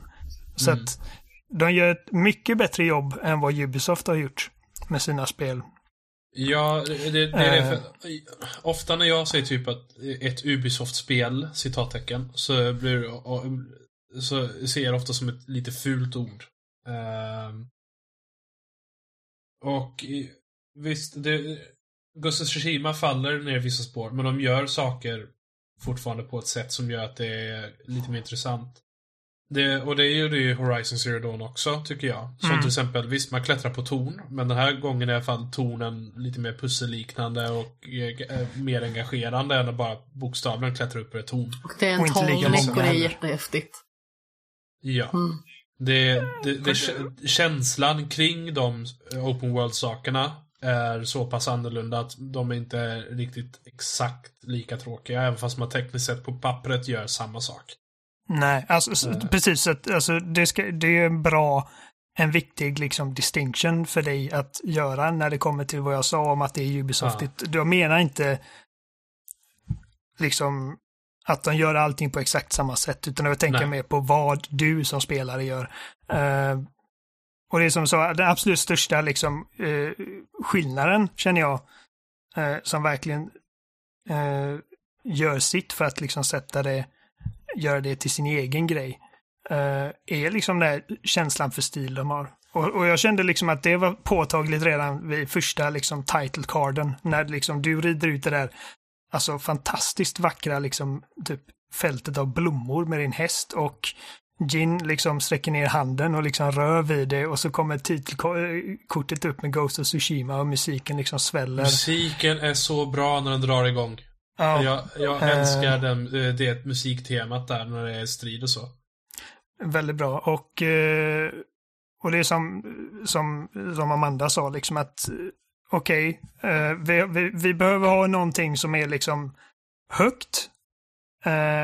Som du kan liksom klättra upp i för att du ska liksom få typ så att din karaktär ska få en overview av området så att vi kan liksom det är liksom en ursäkt för att låsa upp, okej, här, så här ser kartan ut. Och istället för att liksom göra den vanliga, okej, det är ett klocktorn. Eller eh, en windmill så gör vi det till en stor jävla robotdinosaurie som rör sig. Och du måste klättra upp för den här. Det är liksom den känslan för stil och flair som jag känner att både Horizon och Ghost eh, har. Och liksom att de verkligen inte faller in i de här att oh, vi har waypoints och vi har detta och detta och liksom allting är bara så jävla tråkigt och alla Ubisoft-spel känns exakt likadana. Eh, Men det var lite så på förhand när man såg Horizon till exempel eh, avtäckas.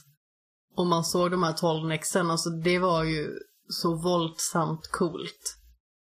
Alltså Ja, för, men bara, för liksom, bara det eh, att se ha- en sån för första gången är liksom ett event. Alltså det, det är liksom en häftig upplevelse att se en sån röra sig över ett fält för första gången. Det är inte bara som att se ett, ett av liksom 57 olika höga byggnader. Nej men precis, jag var ju liksom så här, kommer den anfalla mig eller vad är grejen, vad ska jag göra med den? Så hur, vad ska jag ta mig Mm. till med det här? Nej, så, så det jag menar mer specifikt med att det liksom känns ja, att det följer Ubisoft-mallen är liksom att du har typ ett visst antal olika aktiviteter som du kommer göra om och om igen. Eh, att liksom en Fox den utspelar sig på, alltid på samma sätt. Eh, Ja. Och eh, vad är de här liksom, typ, det finns olika shrines och grejer du kan liksom klättra upp på. Det, det är olika hur du klättrar upp för dem, men det är liksom fortfarande samma visa och du vet vad du kommer belönas med. Så att Mm. det är liksom ingen känsla av eh, wonder eller liksom eh, förundran och liksom spänning i ditt utforskande för att Typ som i Breath of the Wild exempelvis när du känner att vad som helst kan hända. Eh, du vet exakt vad det är och det, det är en grej som jag känner kanske är lite blir lite liksom avtänd på att de liksom innan man gör uppdragen får se vad du kommer belönas med. Så att åh, om du gör det här uppdraget så kommer du få en ny longbow och jag bara, men fan det, det vill jag ju liksom inte veta. Mm. Ehm, så, men så, så man vet vad man, vad man kan förvänta sig och du har liksom dina typ enemy camps som du ska rensa ut och du har dina secondary objectives för att få lite extra så här liksom XP-poäng, eller ja, legend som det heter. Och eh, så att det, det är väldigt liksom formulaic att om man liksom skalar bort alla de sätt som Sucker Punch liksom har typ svettats med att liksom göra allt det här så snyggt och elegant som möjligt. Så är det liksom en sån här liksom checklista-spel lite grann. Och Ja. eh, det är ju något som jag känner, som sagt, det, det är någonting som arbetar mot spelet lite känner jag. Eh, Jo, för, jag- alltså, man- jag kan ändå liksom hålla med om i sak liksom sådär, att man liksom försökt med liksom hela det här visuella grejen. Att man liksom, det finns liksom olika markörer och sådana grejer där, där man ska liksom följa efter och så och liksom kunna se att det är annorlunda. Snarare än så att man liksom sitter då som när Assassin's Creed var som värst. Att man sitter, okej men jag vet liksom jag vet då att jag ser det här och det här och då vet jag att jag kan göra det och det. Eh, problemet egentligen med Ghost of Tsushima och som jag också kände när jag recenserade var ju det här med att man, liksom, jo, jag ser att om jag följer efter den här fågeln och det finns liksom ett nytt äventyr. Eller liksom att, att vid en fox den så kommer det vara ett träd och där kommer det då också vara eldflugor och då också kunna, liksom, kunna se att vad det finns att göra. Och på, på det sättet liksom visuella medel vet att det här och det här finns där. Men också om de till exempel jämför med typ Breath of the Wild. Där man liksom såhär, åh oh, här ser jag någonting spännande och så åker jag dit och jag vet inte riktigt vad jag kan förvänta mig. Det är väl liksom lite den största skillnaden egentligen. Precis som du säger. Mm.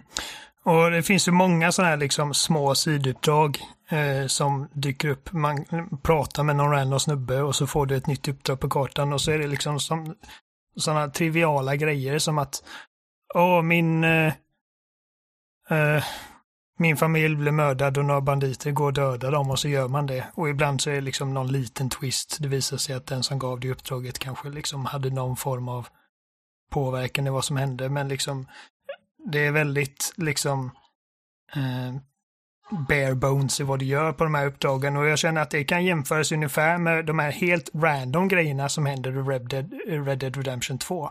Att det är liksom ingen uppdragsmarkör som det går till utan plötsligt så kommer någonting i skogsbyn och det är någon snubbe som har blivit liksom ormbiten och behöver hjälp eller är någon som har fått sin häst som har dött i feber eller någonting så måste, kan du välja då att skjutsa henne till närmsta stad. Red Dead hade ju liksom känts mycket tristare om de här små random grejerna som händer var liksom små sidouppdrag som det går och liksom bockar av. Och eh, jag känner att uh, Ghost of Tsushima hade känts uh, mer levande och mer uh, bara mer speciellt ifall de här liksom mer triviala uppdragen faktiskt bara var saker som kunde hända ifall det var på rätt plats vid rätt tidpunkt. Och jag vet att det är liksom inte en kostnadseffektiv approach att ta till spelutveckling för att man vill ju liksom att lägger man resurser och manpower på att göra ett litet sidequest så vill du att folk ska veta att här borta har vi ett sidequest.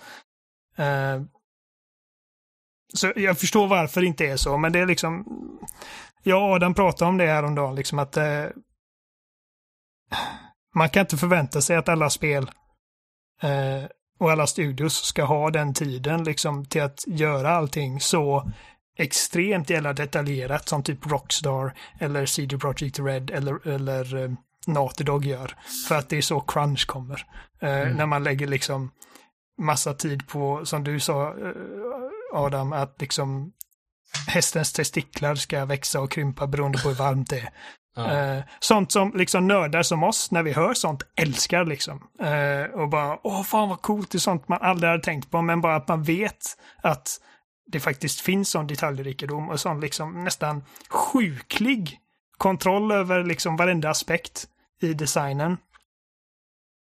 Man tänker ju liksom att det är inte kostnadseffektivt och det är liksom eh, verkligen, vad är det, typ mindre än en procent av all talang i världen som verkligen eh, sätter sig ner och ger sig fan på att få till det och sånt. Men eh, det är ju det som är grejen, att det kommer alltid finnas de utvecklare som faktiskt gör det och arbetar sig till döds för de här detaljerna. Och sen kommer de liksom andra spelen som Ghost eller Horizon och sen är liksom bra, liksom väl ihopsatta, väldigt liksom talangfullt skapade spel kommer jämföras med för att vi har liksom sett jag, andra jag, spel gå the extra mile.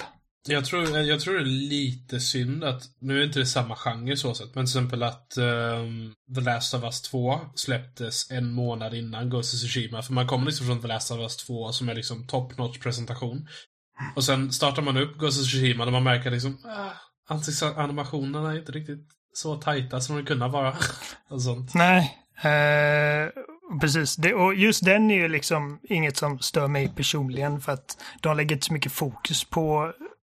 Det, det är sällan man ser närbilder på ansiktena. Och... Eh, Nej, det är väl när vissa storybeats kommer och vissa karaktärer Mm. ser okej ut och sen är det liksom bara, ja, det där personen ser ut som är botox-opererad. Ja, alltså de har ju inte samma nivå på, på sina liksom karaktärsmodeller som, som Naughty Dog har, givetvis. Eh, Och jag Nej. tror att det känns även som att även Horizon hade bättre karaktärsmodeller. Ja, ja, och Eh. Horizon ser så, så bra ut. Eh, Utan, Mm. men, men Ghost eh, lever ju mer på, på andra grejer. Alltså det, det har ju liksom, alltså jag tycker att Last of Us 2 är ett snyggare spel, men, men Ghost of Tsushima är definitivt ett vackrare spel. Precis, jag skulle Oh, säga att Alltså- världen är helt makalös. Alltså nu Ja, har jag liksom bara baksätesspelat det eh, till och från under Mm. eh, ganska så många dagar. Jag vet inte, tog det två veckor för dig att klara med eller någonting sånt?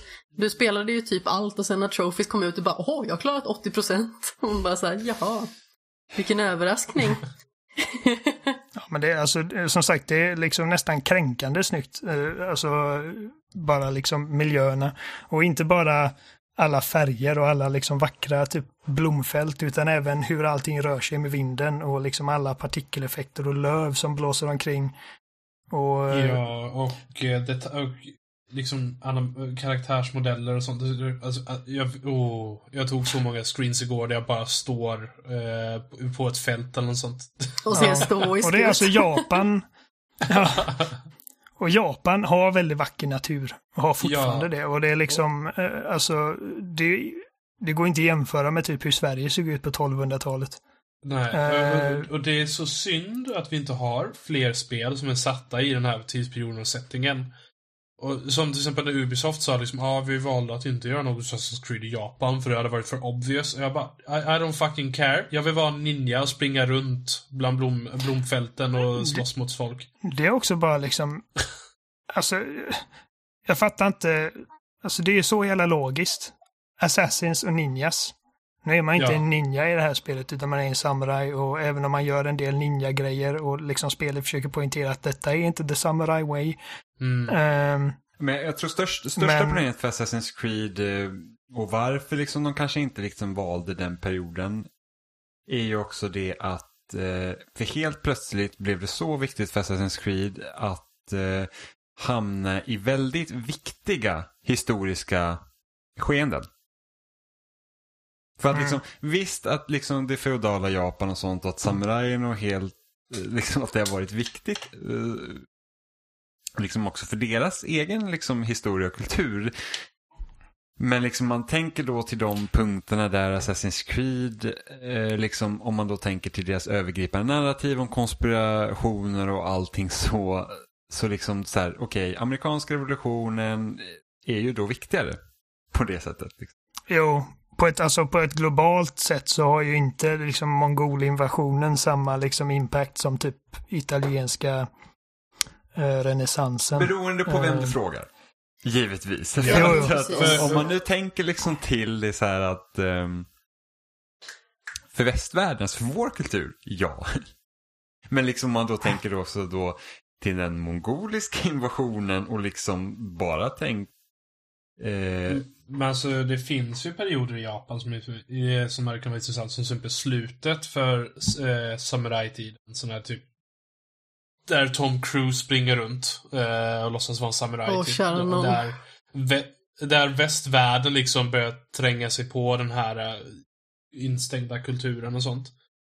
Ehm, så det hade kunnat vara såna intressanta perioder även om det inte är liksom lika världsomvälvande som Assassin's Creed-serien. Ja, precis. Och jag tror till och med att det var det jag sa förra veckan. Att någonstans så blir det ju väldigt... Alltså Assassin's Creed blir ju så otroligt mycket tråkigare när det blev väldigt viktigt för dem. Att huvudkaraktären skulle träffa väldigt viktiga personer också. Eller var, var det du... Det kanske, var du med då Adam? Var inte du med då? För, för två veckor Jo, sedan. jag tror jag har pratat om det, att Assassin's Creed-spelen börjar handla mer om bara Åh, här är den här historiska kända figuren. Precis. Nu, har, nu är hans cutscene över. Ja, men så här, och då var det ju väldigt mycket roligare att man kunde träffa Da Vinci i Assassin's Creed 2 än till exempel typ när man höll på och dilla runt med Washington i Assassin's Creed 3. Mm. Jo, men det känns som att ofta är sådana grejer som är mer perifera mer intressanta. För att, för att, för att om Ja. man då tänker då till exempel som- du sa liksom att, att Oliver att det kanske inte var liksom att mongolerna kanske inte var lika viktiga eller liksom påverkat eh, lika mycket. Men om man då tänker till exempel en, en, en person som Genghis khan. Och, och liksom Mm. om man då tänker på ehm, den form av krigsföring som mongolerna överhuvudtaget förde. Var att de var väldigt innovativa också. För att de gjorde Mm. saker som ingen hade sett. Det var också en anledning till att de kunde bli så stora. Eh, och om man då tänker till exempel en person som Genghis khan då. Eh, som, eh, alltså, han hade så otroligt många barn. Så att det är så många personer som är släkt med Genghis khan att eh, så att han har ju påverkat. Så att det är liksom, det blir liksom, liksom man får ge och ta liksom och, och liksom, så att jo, beroende på vem man frågar. Så olika Mm. saker. Givetvis. Men alltså som sagt, nu, nu känner inte jag att eh, Assassin's Creed behöver komma dit för att nu har vi fått det här liksom och jag känner att det är, alltså jag är förmodligen Hittills har jag haft roligare med detta än vad jag haft med något Assassin's Creed på ett bra tag och eh, det känns liksom fräscht även om det, Det, kän- det känns som ett spel jag faktiskt kommer klara ut om man säger så. Ja, och det är som liksom det som jag känner att Horizon har som inte detta har, det är väl att Horizon kändes som att det hade en mer spännande story. Eh, jag tycker att Aloy eh, var roligare att följa än vad Gin är. Och jag förstår liksom att det har varit viktigt för dem att liksom det ska vara väldigt liksom tidsenligt och jag vet att de här samurajerna kanske inte var världens mest karismatiska eh, liksom godtrevliga, liksom skojfriska människor. Men det är väldigt seriöst hela tiden och det finns väldigt, liksom, ingen humor. Eh, även, även liksom ett superdeprimerande, liksom brutalspel som Last of Us har ändå liksom humor. Och eh, så att liksom den, jag känner inte, karaktären har inte grabbat mig. Jag tror att det var först nu eh, efter slutet av akt 1 som jag kände att okej, nu är jag lite mer investerad för att det liksom hände typ en grej hände som liksom kunde skifta liksom spelplanen lite grann rent storymässigt. Mm. Eh, och innan dess så var det liksom att jag, jag bryr mig inte så mycket om vad som hände. Oj, där hörde ni William. Argt barn är arg. Potatis som vaknade. Han var jätteduktig och var tyst i en timme och 45 minuter nästan. Det är ju otroligt. Ehm, Ja, känner, alltså, Vilken sporadisk lackning. jag känner väl lite så här att hans input var väldigt viktig här. Eh, nu kom jag av mig. Uh, ja, storyn, alltså den, den, den har inte grabbat så här mig. är det. Eh, Det kommer inte bli så mycket mer än så heller. nej, Alltså, och, och, jag jag- känner väl det på mig lite. Jag tycker att idén med storyn är mycket mer intressant än vad de faktiskt gjort med storyn. För jag tycker om idén med konflikten mellan och tradition versus att bryta mot tradition och den enkla vägen mot liksom den tuff, tunga, mer styltiga samurajvägen och sånt. Det, det är på pappret väldigt intressant, den här konflikten som är med Jin och, och så. Men den, det, spelet verkar inte anstränga sig särskilt mycket för att liksom faktiskt presentera eh, konflikten, än så länge i alla fall. alltså, Eh, inte för att spoila så mycket, men liksom både och. De gör vissa grejer som man känner så, ja ah, men fine, och sen så gör de vissa grejer som bara, ja okej. Eh, ett av mina största problem är att, som jag har, det är väl liksom att det väl, blir väl lite väl svart och vitt. Liksom, mongolerna är liksom the big bad. Och det blir inte mycket mer än så liksom. Ja, de är ju bara liksom monster Precis. Ehm, sen så har de ju intressanta sidokaraktärer så och och det är väl lite si och sådär så man kan ju också tänka sig att till viss del okritiskt blir det liksom om man då tänker japanernas roll.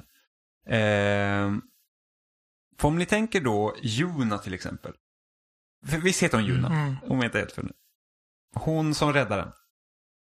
I början. Ja, hon heter precis. Juna. Eh, och jag vet inte hur långt ni har kommit i hennes berättelse. Men eh, man har ju då, för att... Jo, men Oliver, du borde ha kommit så långt. Eh, Alltså man har kommit så långt i alla fall jag att liksom hon har gjort vad, vad hon egentligen sa att hon skulle göra men... men ja, ja, men, men liksom, man hon liksom- var ju del av de här Yurikawa-rebellerna, va? Ja, Det- det, är det- så ja, långt precis, för jag det är kommit att därifrån hon hon kommer. föreslagit det. Och då börjar man liksom tänka så att oh, det är också jätteintressant. För då börjar man också tänka så att men, japanerna liksom då som eh, Jin hör till och den personen då man ska rädda. Eh, så börjar man ju liksom tänka så här liksom att oh, det är jättespännande.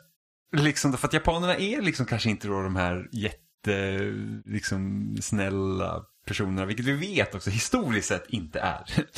och då Nej. och då tänker man, gör de någonting mer där liksom? Men det gör de inte riktigt. Och det är lite synd. Nej, alltså jag, nu vet jag inte, men jag förväntade mig typ att när man, eh, ens farbror som är den här stora klanledaren. Att det skulle vara liksom att, okej, vi har räddat hans farbror, han står för ära och alla de här sakerna. Och sen kan det vara de negativa si sidorna med det. Visst, det är ordning och reda, men vad förlorar man på det sättet? Mm. Ehm, det är vad jag har förväntat mig i alla fall, men jag tar det som att det kanske inte, inte Eh, riktigt blir så Jag, häftigt. jag ska inte säga så mycket mer. Jag kan väl säga som så att... ehm, nu så här, jag tycker att spelet slutar väldigt bra. Jag var Mm. nöjd, om man säger så. Även om det finns massa liksom delar och säga, åh vad synd att de inte utvecklar så här. Men om, om man då tänker bara liksom som så hur Sucker Punch har gjort den här berättelsen så tycker jag för ändå att det slutade bra. Jag är bara synd att de inte lyckades liksom kanske riktigt göra det bättre om man säger.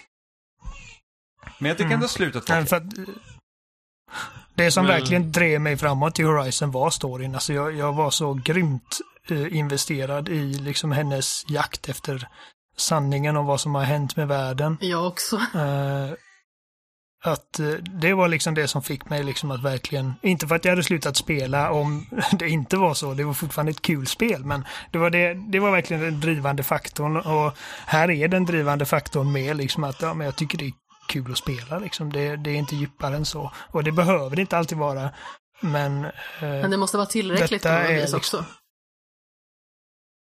Ja, men jag känner att just nu, liksom, jag, jag, jag, jag har kul i spelet. Jag kommer fortsätta, jag kommer klara det. Och eh, det är liksom, jag känner inte att det finns någonting, inget är på en sån låg nivå att det liksom kommer i vägen för någonting. Eh, och det, det är ingenting som jag tycker är dåligt med spelet. Jag ser massor av eh, utrymme för förbättring. Eh, inför en potentiell uppföljare, liksom, Det- eller potential som det inte har... håller jag med om. Jag, jag vill se ett Ghost of Tsushima 2. Eh, där de tar liksom och bygger vidare på det vi har. Ja, eh, så att, eh, ja, för att eh, som sagt. Eh, jag ser utrymme för förbättring och jag ser liksom potential som inte riktigt infriats. Men det som är där är bra. Det är liksom, det, det är snyggt ihopsatt. Det är kul att spela. Det är som sagt oerhört vackert att titta på. Och eh, storyn är liksom inte dålig. Den är bara liksom inte liksom gripande. Den gre- greppar inte tag i en. Jag, jag vill ge en shout-out också till, för till stridssystemet som jag tycker är väldigt bra.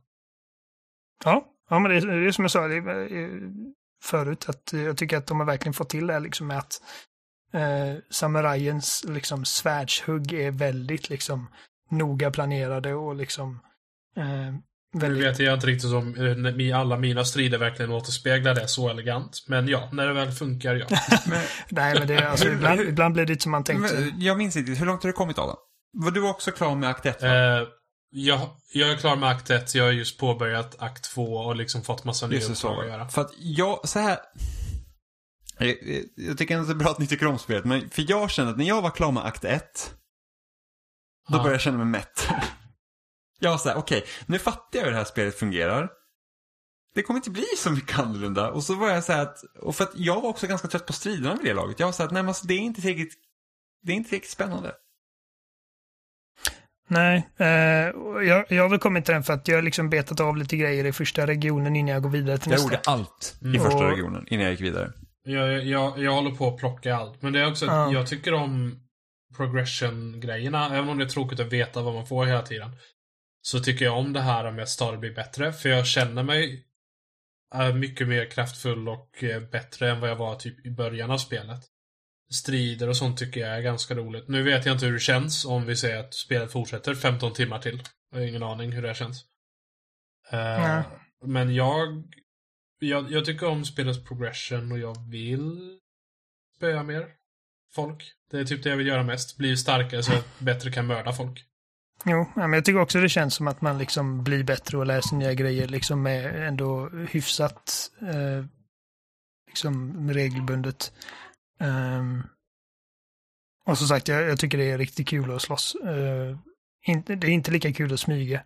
Nej. Nej. Och Sen så eh, tycker jag liksom, det finns många uppdrag som är sådana här sidogrejer. Typ rädda en farm och sånt. Som är liksom, jag, där jag liksom, ja jag vill gå in som en samuraj. Men sen så är det liksom sådana här bonusobjectives. Och typ alla de är sådana här ghost-grejer som gör att man måste Mm. spela lite smyggrej för att liksom få all XP eller en extra po- point eller något sånt. Fast Det de brukar inte vara så synd. liksom. Det kan vara typ tre, få tre headshots och så gör man det och sen så kan man liksom ta resten. Mm. Men, Eh, så, så men så, det, har liksom finns tillräckligt mycket grejer att göra så att om man missar bonusobjekten så gör inte det något. Så att man behöver liksom inte Nej. känna sig så att åh nej nu missar jag det här att du liksom skulle, alltså faktiskt att åh nu är det omöjligt för dig att kunna liksom, Alltså jag missade massor av sådana och min, jag har liksom låst upp alla, alltså jag, alla uppgraderingar har min karaktär liksom. Mm. Nej, och, och, men det är mer typ att åh, jag, är en, jag är en sån Ja. som vill jag checka förstår. av allting. Jag, jag förstår det. Ehm, det, jag är lite Nå- skadad. något som jag känner lite synd också, eh, och som också finns möjlighet det här med att göra liksom så här att, och det är ju någonting de också hade kunnat lära sig liksom av, som jag sa med Breath of the Wild, liksom att oj jag går dit och så, så hittar jag något roligt för att det är inte, det är inte så kodat att, oj jag vet, alltså förutom då shrinesen såklart. Så ser du en shrine så vet du en shrine. Men liksom att det blir den här liksom att, oj här ser jag ett konstigt berg så går jag dit så kanske man hittar något roligt. Vilket man ofta gjorde. Här är det typ, här ser du exakt det röda trädet och då vet du att det finns en varm källa där. Men liksom det här med att Ja. Va, liksom hör på ryktesvägen liksom att åh, här finns någonting. Liksom, åh, kan, som det här liksom typ, åh, här finns ett brinnande hus. Okej, går dit, räddar det brinnande huset och sen så finns det kvar. Eller, du gjorde ingenting åt den här elden och det brinner ner. Men det är inte, sånt finns inte riktigt. Eh, någonting som jag dock tycker var rätt så kul, och det här tror inte jag pratade om förra veckan, var det här med att det finns de här legenderna man kan göra. Och de uppdragen är faktiskt väldigt roliga. Liksom, du, får, du får någon, så här, någon Ja. japansk hörsägen och sen så får du kanske en ny attack eller vad som helst och sen så... Och, och de är ganska långa också, de följetongerna. Det är ganska kul. Ja, Ja. de är inte lika styrda heller. Eh, Nej, det kan vara att du det- får liksom en bild eller målning av något berg som du ska hitta Mm. och så liksom får du Ja. hitta det. Ja, exempel det sidouppdraget med typ Heavenly Strike, det, det tyckte jag om väldigt mycket. För det var väldigt mycket, åh, det- man skulle visuellt försöka hitta platser och sånt och sen fick man testa lite sina skills Mm. och så.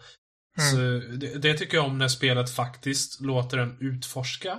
Eh, Det är då spelet är som bäst, för att det är liksom inte en massa markörer och det är inte liksom hålla in en knapp och följa ett spår eller något sånt, utan man måste liksom titta lite med sina egna Mm. ögon. Och det tycker jag, det är då spelet är som roligast att utforska, när det väl, eh, när det är sånt. Och du är, Ja, duellerna men jag är tycker att vi, roliga också. vi... Alltså de, de specifika duellerna man kan ha är väldigt roliga. Alltså nu, du sprakar så jävla mycket. Mm. Se, har jag sprakat hela tiden? Eh, ja, sen, sen eh, Amanda sa att eh, hon skrev, vad var det? Hon hör mig dåligt eller vad var det? Nej, alltså grejen var att helt plötsligt så kopplade mina hörlurar ifrån så att jag hörde er genom telefonen så jag var tvungen att hoppa ur och sen försökte jag sätta i hörlurarna igen och hoppa in och då funkade det inte Aha. och sen så kopplade jag in mig i datorn. För du sprakar också och jag tror det är att jag hör bo- Jimmy både genom dig och honom så att det blir dels dubbelt och sen... Eh, Jimmy säger Hallå? något. Ja, Nu jag låter det hoppar in och bättre. ut. Det är förmodligen liksom, för att jag brukar höra att du sprakar också Oliver. Ja, Okej, nu, kom- nu fortsätter Okej, ja, men jag, jag har kollat, alltså jag verkar inte spraka lokalt i alla fall. Inga lokala språk. Ska, Ska vi markera när var det detta hände? Typ en minut och, eller en timme och 48 kanske. Ja, men det är fortfarande spel, spel. Pascha. Ehm, duellerna i spelet, alltså samurajduellerna, Ja. tycker jag är rätt så roliga. För då får man liksom lite på prov. Inte för att de tar tillvara på allt, liksom i stridssystemet som har att göra som man sällan, alltså man inte behöver liksom byta stances och sånt. Men Mm. då får man ändå liksom så här, då är det verkligen svärdsman mot svärdsman och då måste man liksom vara beredd på att dodga och liksom kunna parera och, och sånt. Alltså, Mm. det, det får mig att tänka lite på typ eh, Star Wars eh, Jedi Fallen Order. Mm. Det, det känns typ som ett open world-spel i den andan, typ. Bra combat-system bra bossfighter och ish dueller. Sådana saker. Och sen, visst, de här sidogrejerna kanske inte alltid är det världsbästa, men på helheten är det fortfarande kul att spela. Mm. Jo, ja, men jag tycker att vi liksom har kommit till en ganska bra liksom, sammanfattning av vad vi känner. För många gånger känner jag liksom att vi ofta hänger upp oss på de negativa grejerna. Eh, när vi pratar om spel och det tycker jag inte vi har gjort. Utan eh, det, är- det är ett bra spel med liksom en del fallgropar. Mm. Eh, jag förstår inte, vi har sett folk säga liksom, jag kommer inte ihåg, det var någon, Generationens, Eh. ett av generationens bästa spel. ja, Massa, Precis, jag vet inte vem det var som, jag kommer inte ihåg och jag vill liksom inte säga att åh fy fan vad fel du har. Alltså, Jag tycker det är din liksom åsikt är sämst. kul att du... ja, precis. I, i, inte, men inte vi- för att vara sån, liksom. men, men jag tror att många av Sony-exklusiva spelen får lite fripass. Jag tror att det finns, alltså, inte, Jag vet inte fan, alltså kolla hade detta spelet släppts på Xbox så hade det varit det hetaste som har kommit till Xbox på typ sju år. Det, så, så, det håller jag med om, men jag tror liksom, det finns en, det finns en, alltså det håller jag med, alltså det, såklart. Det, det, det, det, det, jag förstår vad du menar. Men jag tror att när, Det är liksom... alltså det är lite så här, ja, det finns en sån skara av fans av Playstation som, som tycker att allt är så bra så att jag tror att det hjälper till att förhöja det. Om man säger så. Och nu säger jag inte att det här handlar liksom om kritikerkåren liksom som, som från stora mediesidor. Utan jag tror att det också är lite mer hobbykritikerna om man säger så. Förstår ni vad jag Mm. menar? Ja, Jag, jag jag tror liksom att man, alltså att oh, det här är sett fram och Sony är bra och har varit så bra så att då, då liksom, då kanske man vill liksom vara lite, ge lite det här extra. Om man säger så. mm. Ja, ja, men det, det ligger Ja, säkert medan något i man Och liksom, som när sagt, ett jag vill inte liksom spel från peka... Microsoft kommer, då, då liksom så här, ja, för att det är inte bra. Så då, blir man så här, det är klart att det inte är bra liksom. Om man säger så. Nej, men alltså, så, jag vill inte peka ut dem, men jag tyckte att det, det är absolut inte ens nära liksom, någon verklighet jag lever i. Eh, men, men det är bra. Men jag tänkte också på det faktiskt. Det var var bra att du tog upp det, för att jag satt och spelade spelet och jag liksom kände att ja, men det här är nice. Eh, Inget som liksom typ kastar om världen, men det är nice. Och så började jag tänka på en verklighet, liksom, tänk om det hade varit liksom på Xbox istället. Jag bara, alltså folk hade blivit helt galna. Jag liksom, åh! Ett spel! Fast det hade ju också kunnat slå åt andra hållet. Var så här, då kanske man liksom hade så här, de aspekterna som är neg- mer negativa med spelet, då kanske de hade liksom förhöjts på grund av att det hade varit på Xbox.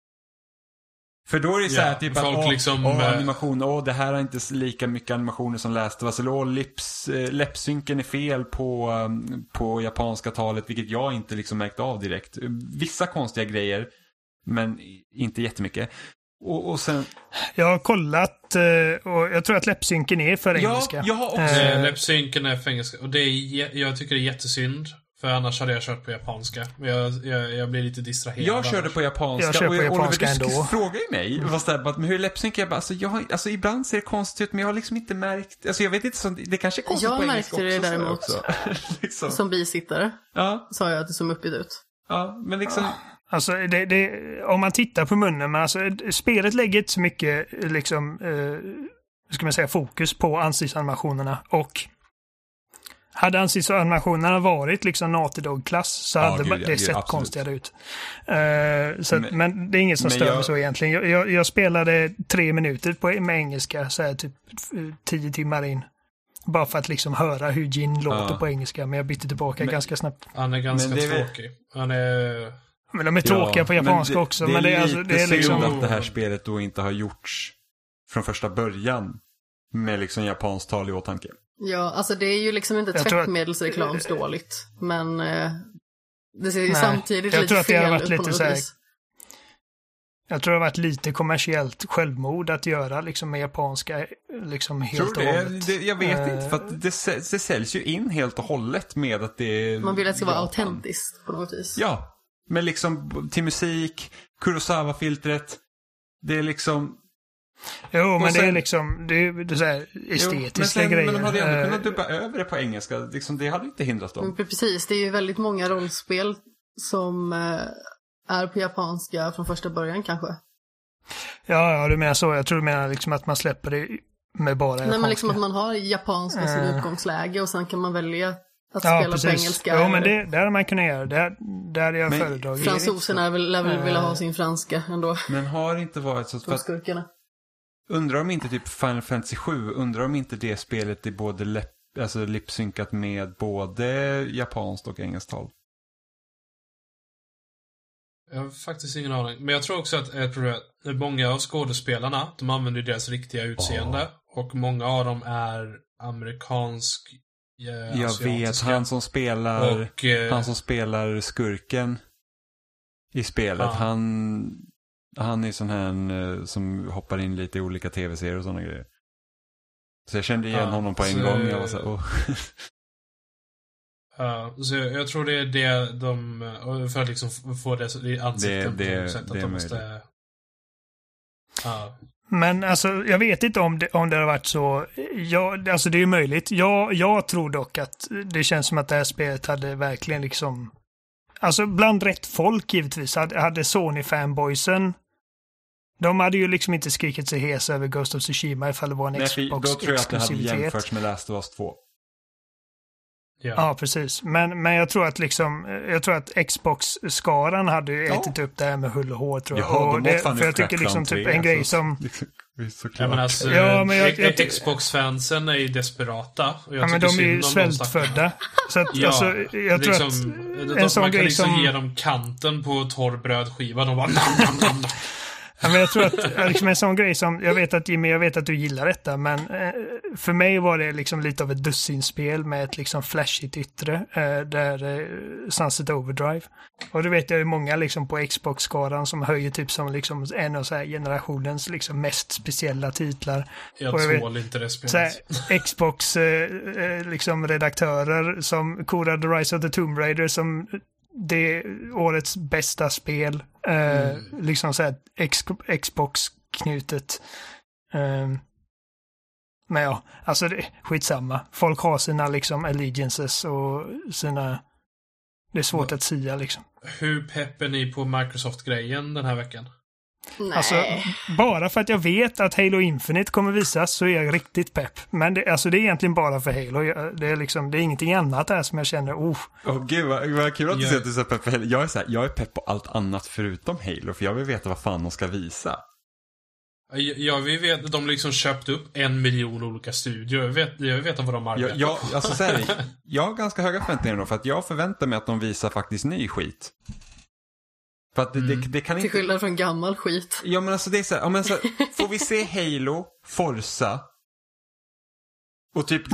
ja, men, inte, ja, men det är ändå, Fable har ändå varit liksom dött sedan 2011, jo, 12. jag vet. Men om vi säger att Fable är den absolut största liksom, Ja, men- f- Ja, då överraskningen. blir jag besviken. Vi har ju pratat om det här så många gånger, men jag är så här, så här visa ett nytt Ja. Banjo Kazooie liksom för att få dem med, de som liksom vill ha ett nytt Banjo med sig. Liksom, visa något nytt. Visa något spännande. För det är så här, tänk om Naughty Dog bara hade fått göra Uncharted. Då hade vi varit på Uncharted Mm. 6 nu eller någonting sånt. Och man säger bara okej, men liksom tänk när de visade Last of Us. Alltså, jag gillade inte, jag var inte speciellt förtjust i Uncharted-spelen. Jag spelar dem men jag var så här, de, de är okej. Det är liksom, men det är inte så här wow, det här är det bästa som finns. Och sen så fick man se första trailern till The Last of Us. Det är klart som fan att man blir intresserad för det var något nytt. Gör det. Mm. Jo. Ja, men jag håller med. Och det är som sagt det jag är mest spänd på. Alltså, det, jag, jag kan ju säga att, för att menar, jag har Halo i mina ådror och jag älskar Halo. Så det är ju Alltså, det som jag, är mest jag, vill bara jag, Som- jag vill ju bara att det ska vara ett Metroidvania på den där jävla Halo-ringen. det är det jag vill ha. Ja, Jag tror inte du kommer få det, men...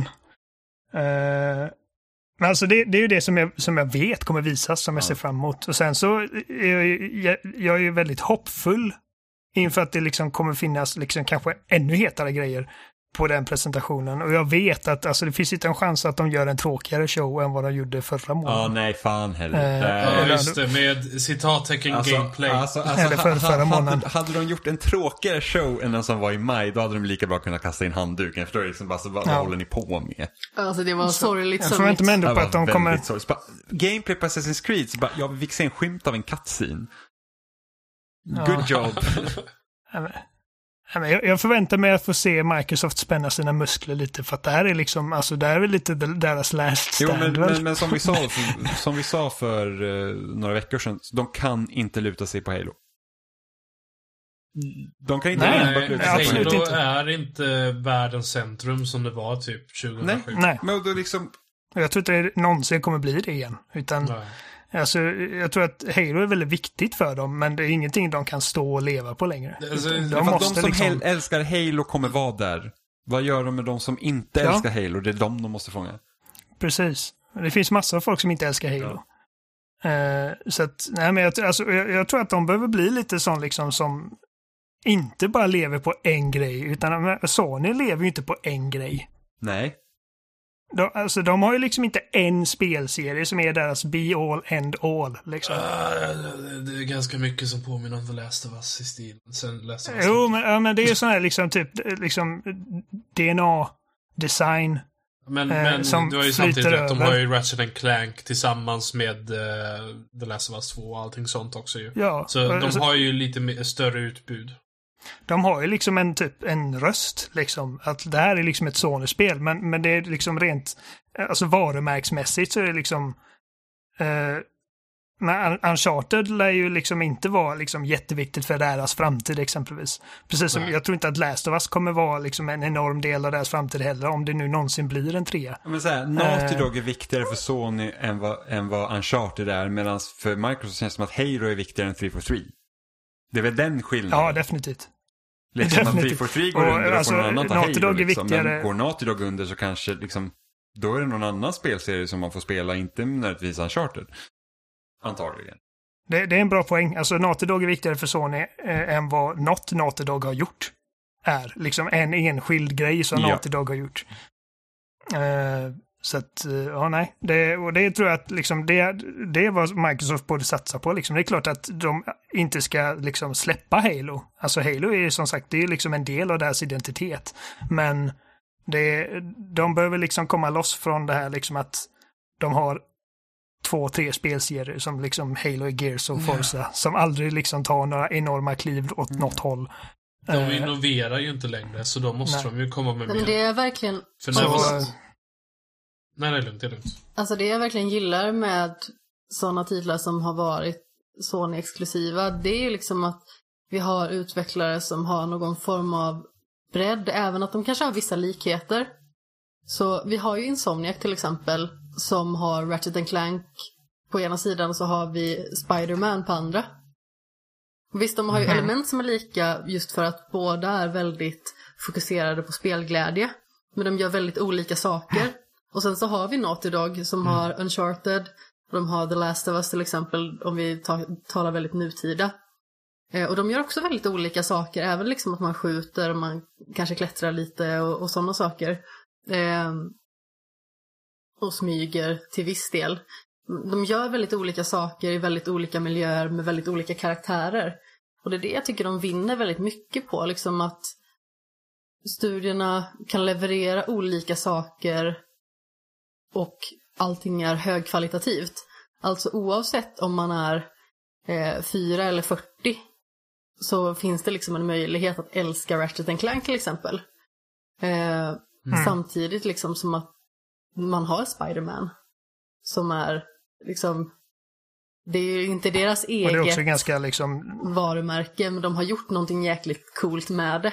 Och spelet var fantastiskt bra. mm, Alltså, det, det, som är, det, som, det är lättare att vara Sony-fan överlag, för att alla Sony-fans kan ha olika favoritspel. ja. Mm.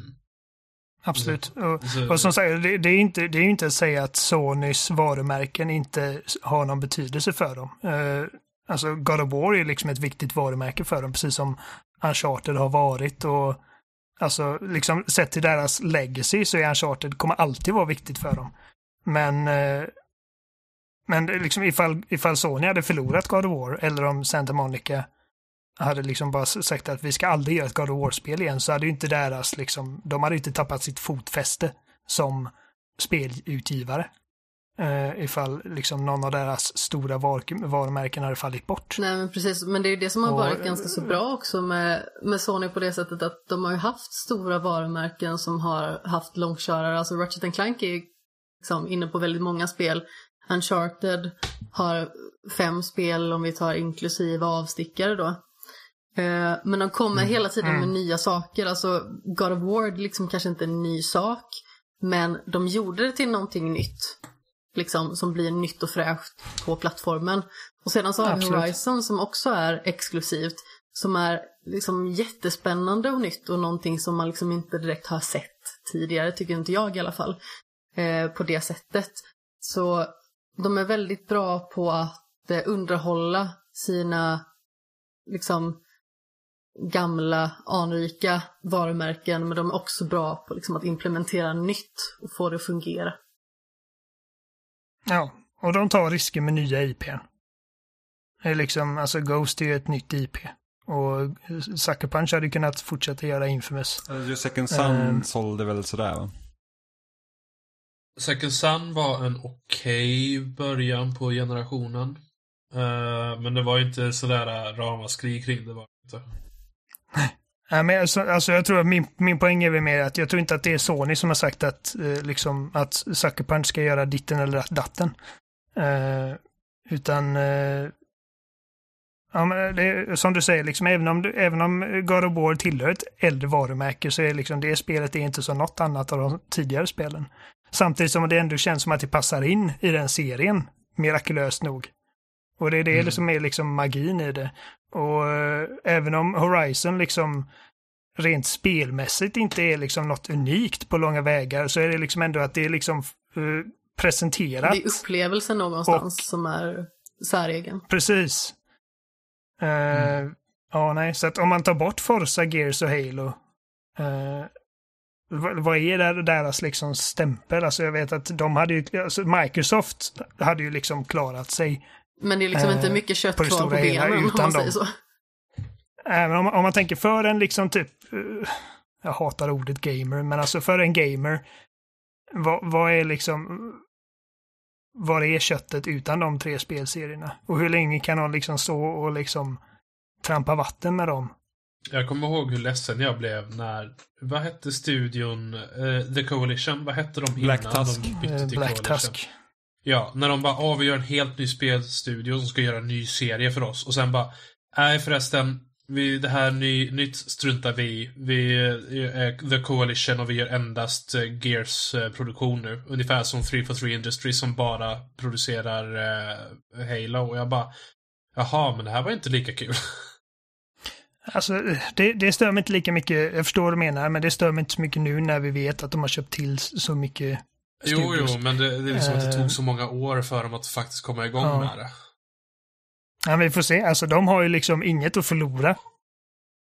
Eh, liksom, eh, de, de har massor att vinna på liksom, eh, att verkligen göra en bra show.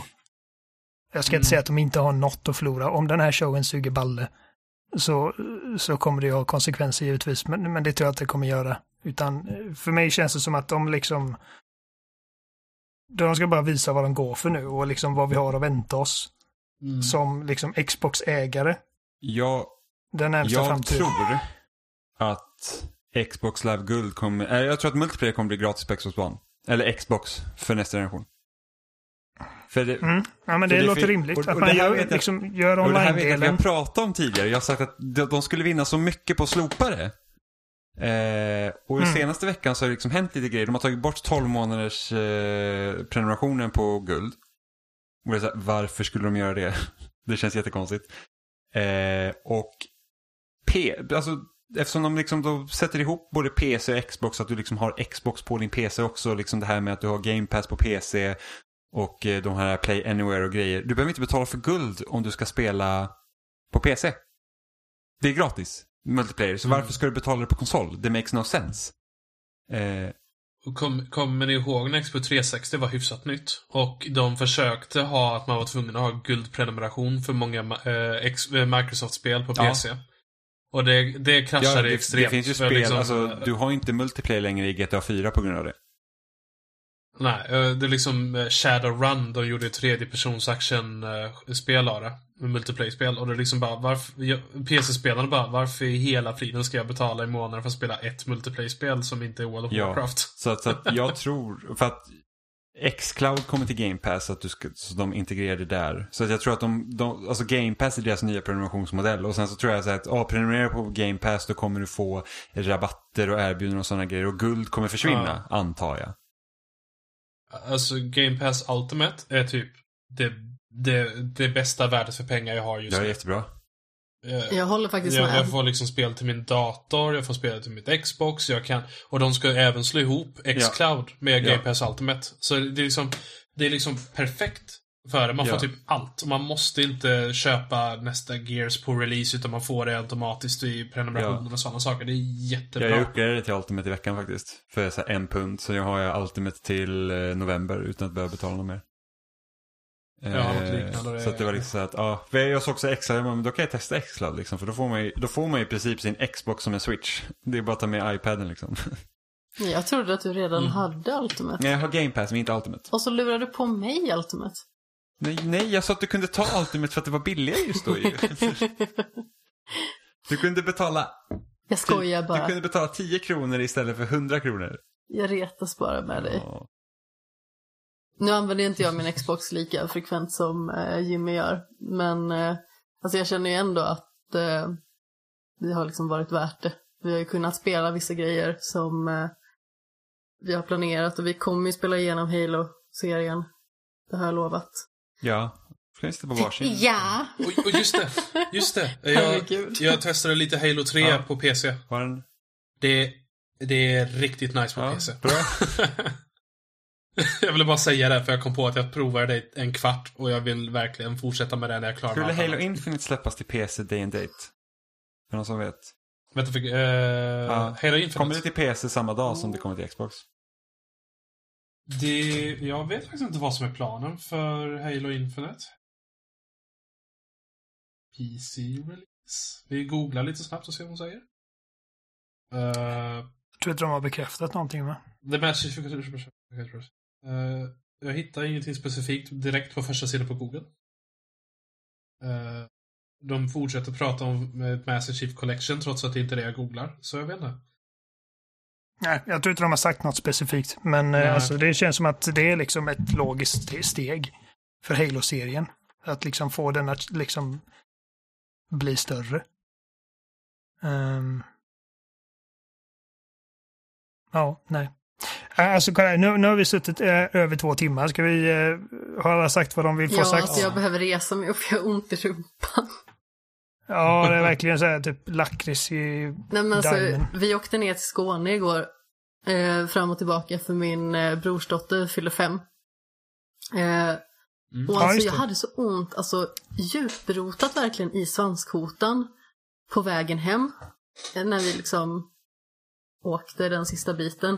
Så jag visste inte hur jag skulle ta vägen och det liksom sitter fortfarande kvar idag och jag sitter ju på en liten pall i och med att vi har fått rumstera om lite här inne. Eh, Så att båda kan sitta och podda. Så jag sitter på en av eh, kuddarna till sängen också. Bara för att mjuka för rumpan. Mm. Och första gången vi poddade vid, vid den här setupen, då sa jag att jag har ont i rumpan för att den här stolen är hård. Och då fick man bara stå, min lilla bubben. Ja, fast stolen är ju skönare än vad pallen är. Stolen är, det är en trästol, det är hårt. Ja, och den här är inte så mjuk som den ser ut. Pallen har en kudde på sig. Alltså det ser ut som att, äh, ser ut som. Det, det känns som att jag har suttit liksom på ett städ. Det känns som att röven är platt. Nej, Ja. Men, men, det, är sagt så... så... ni hittar oss som vanligt på uh, spelsnack.com.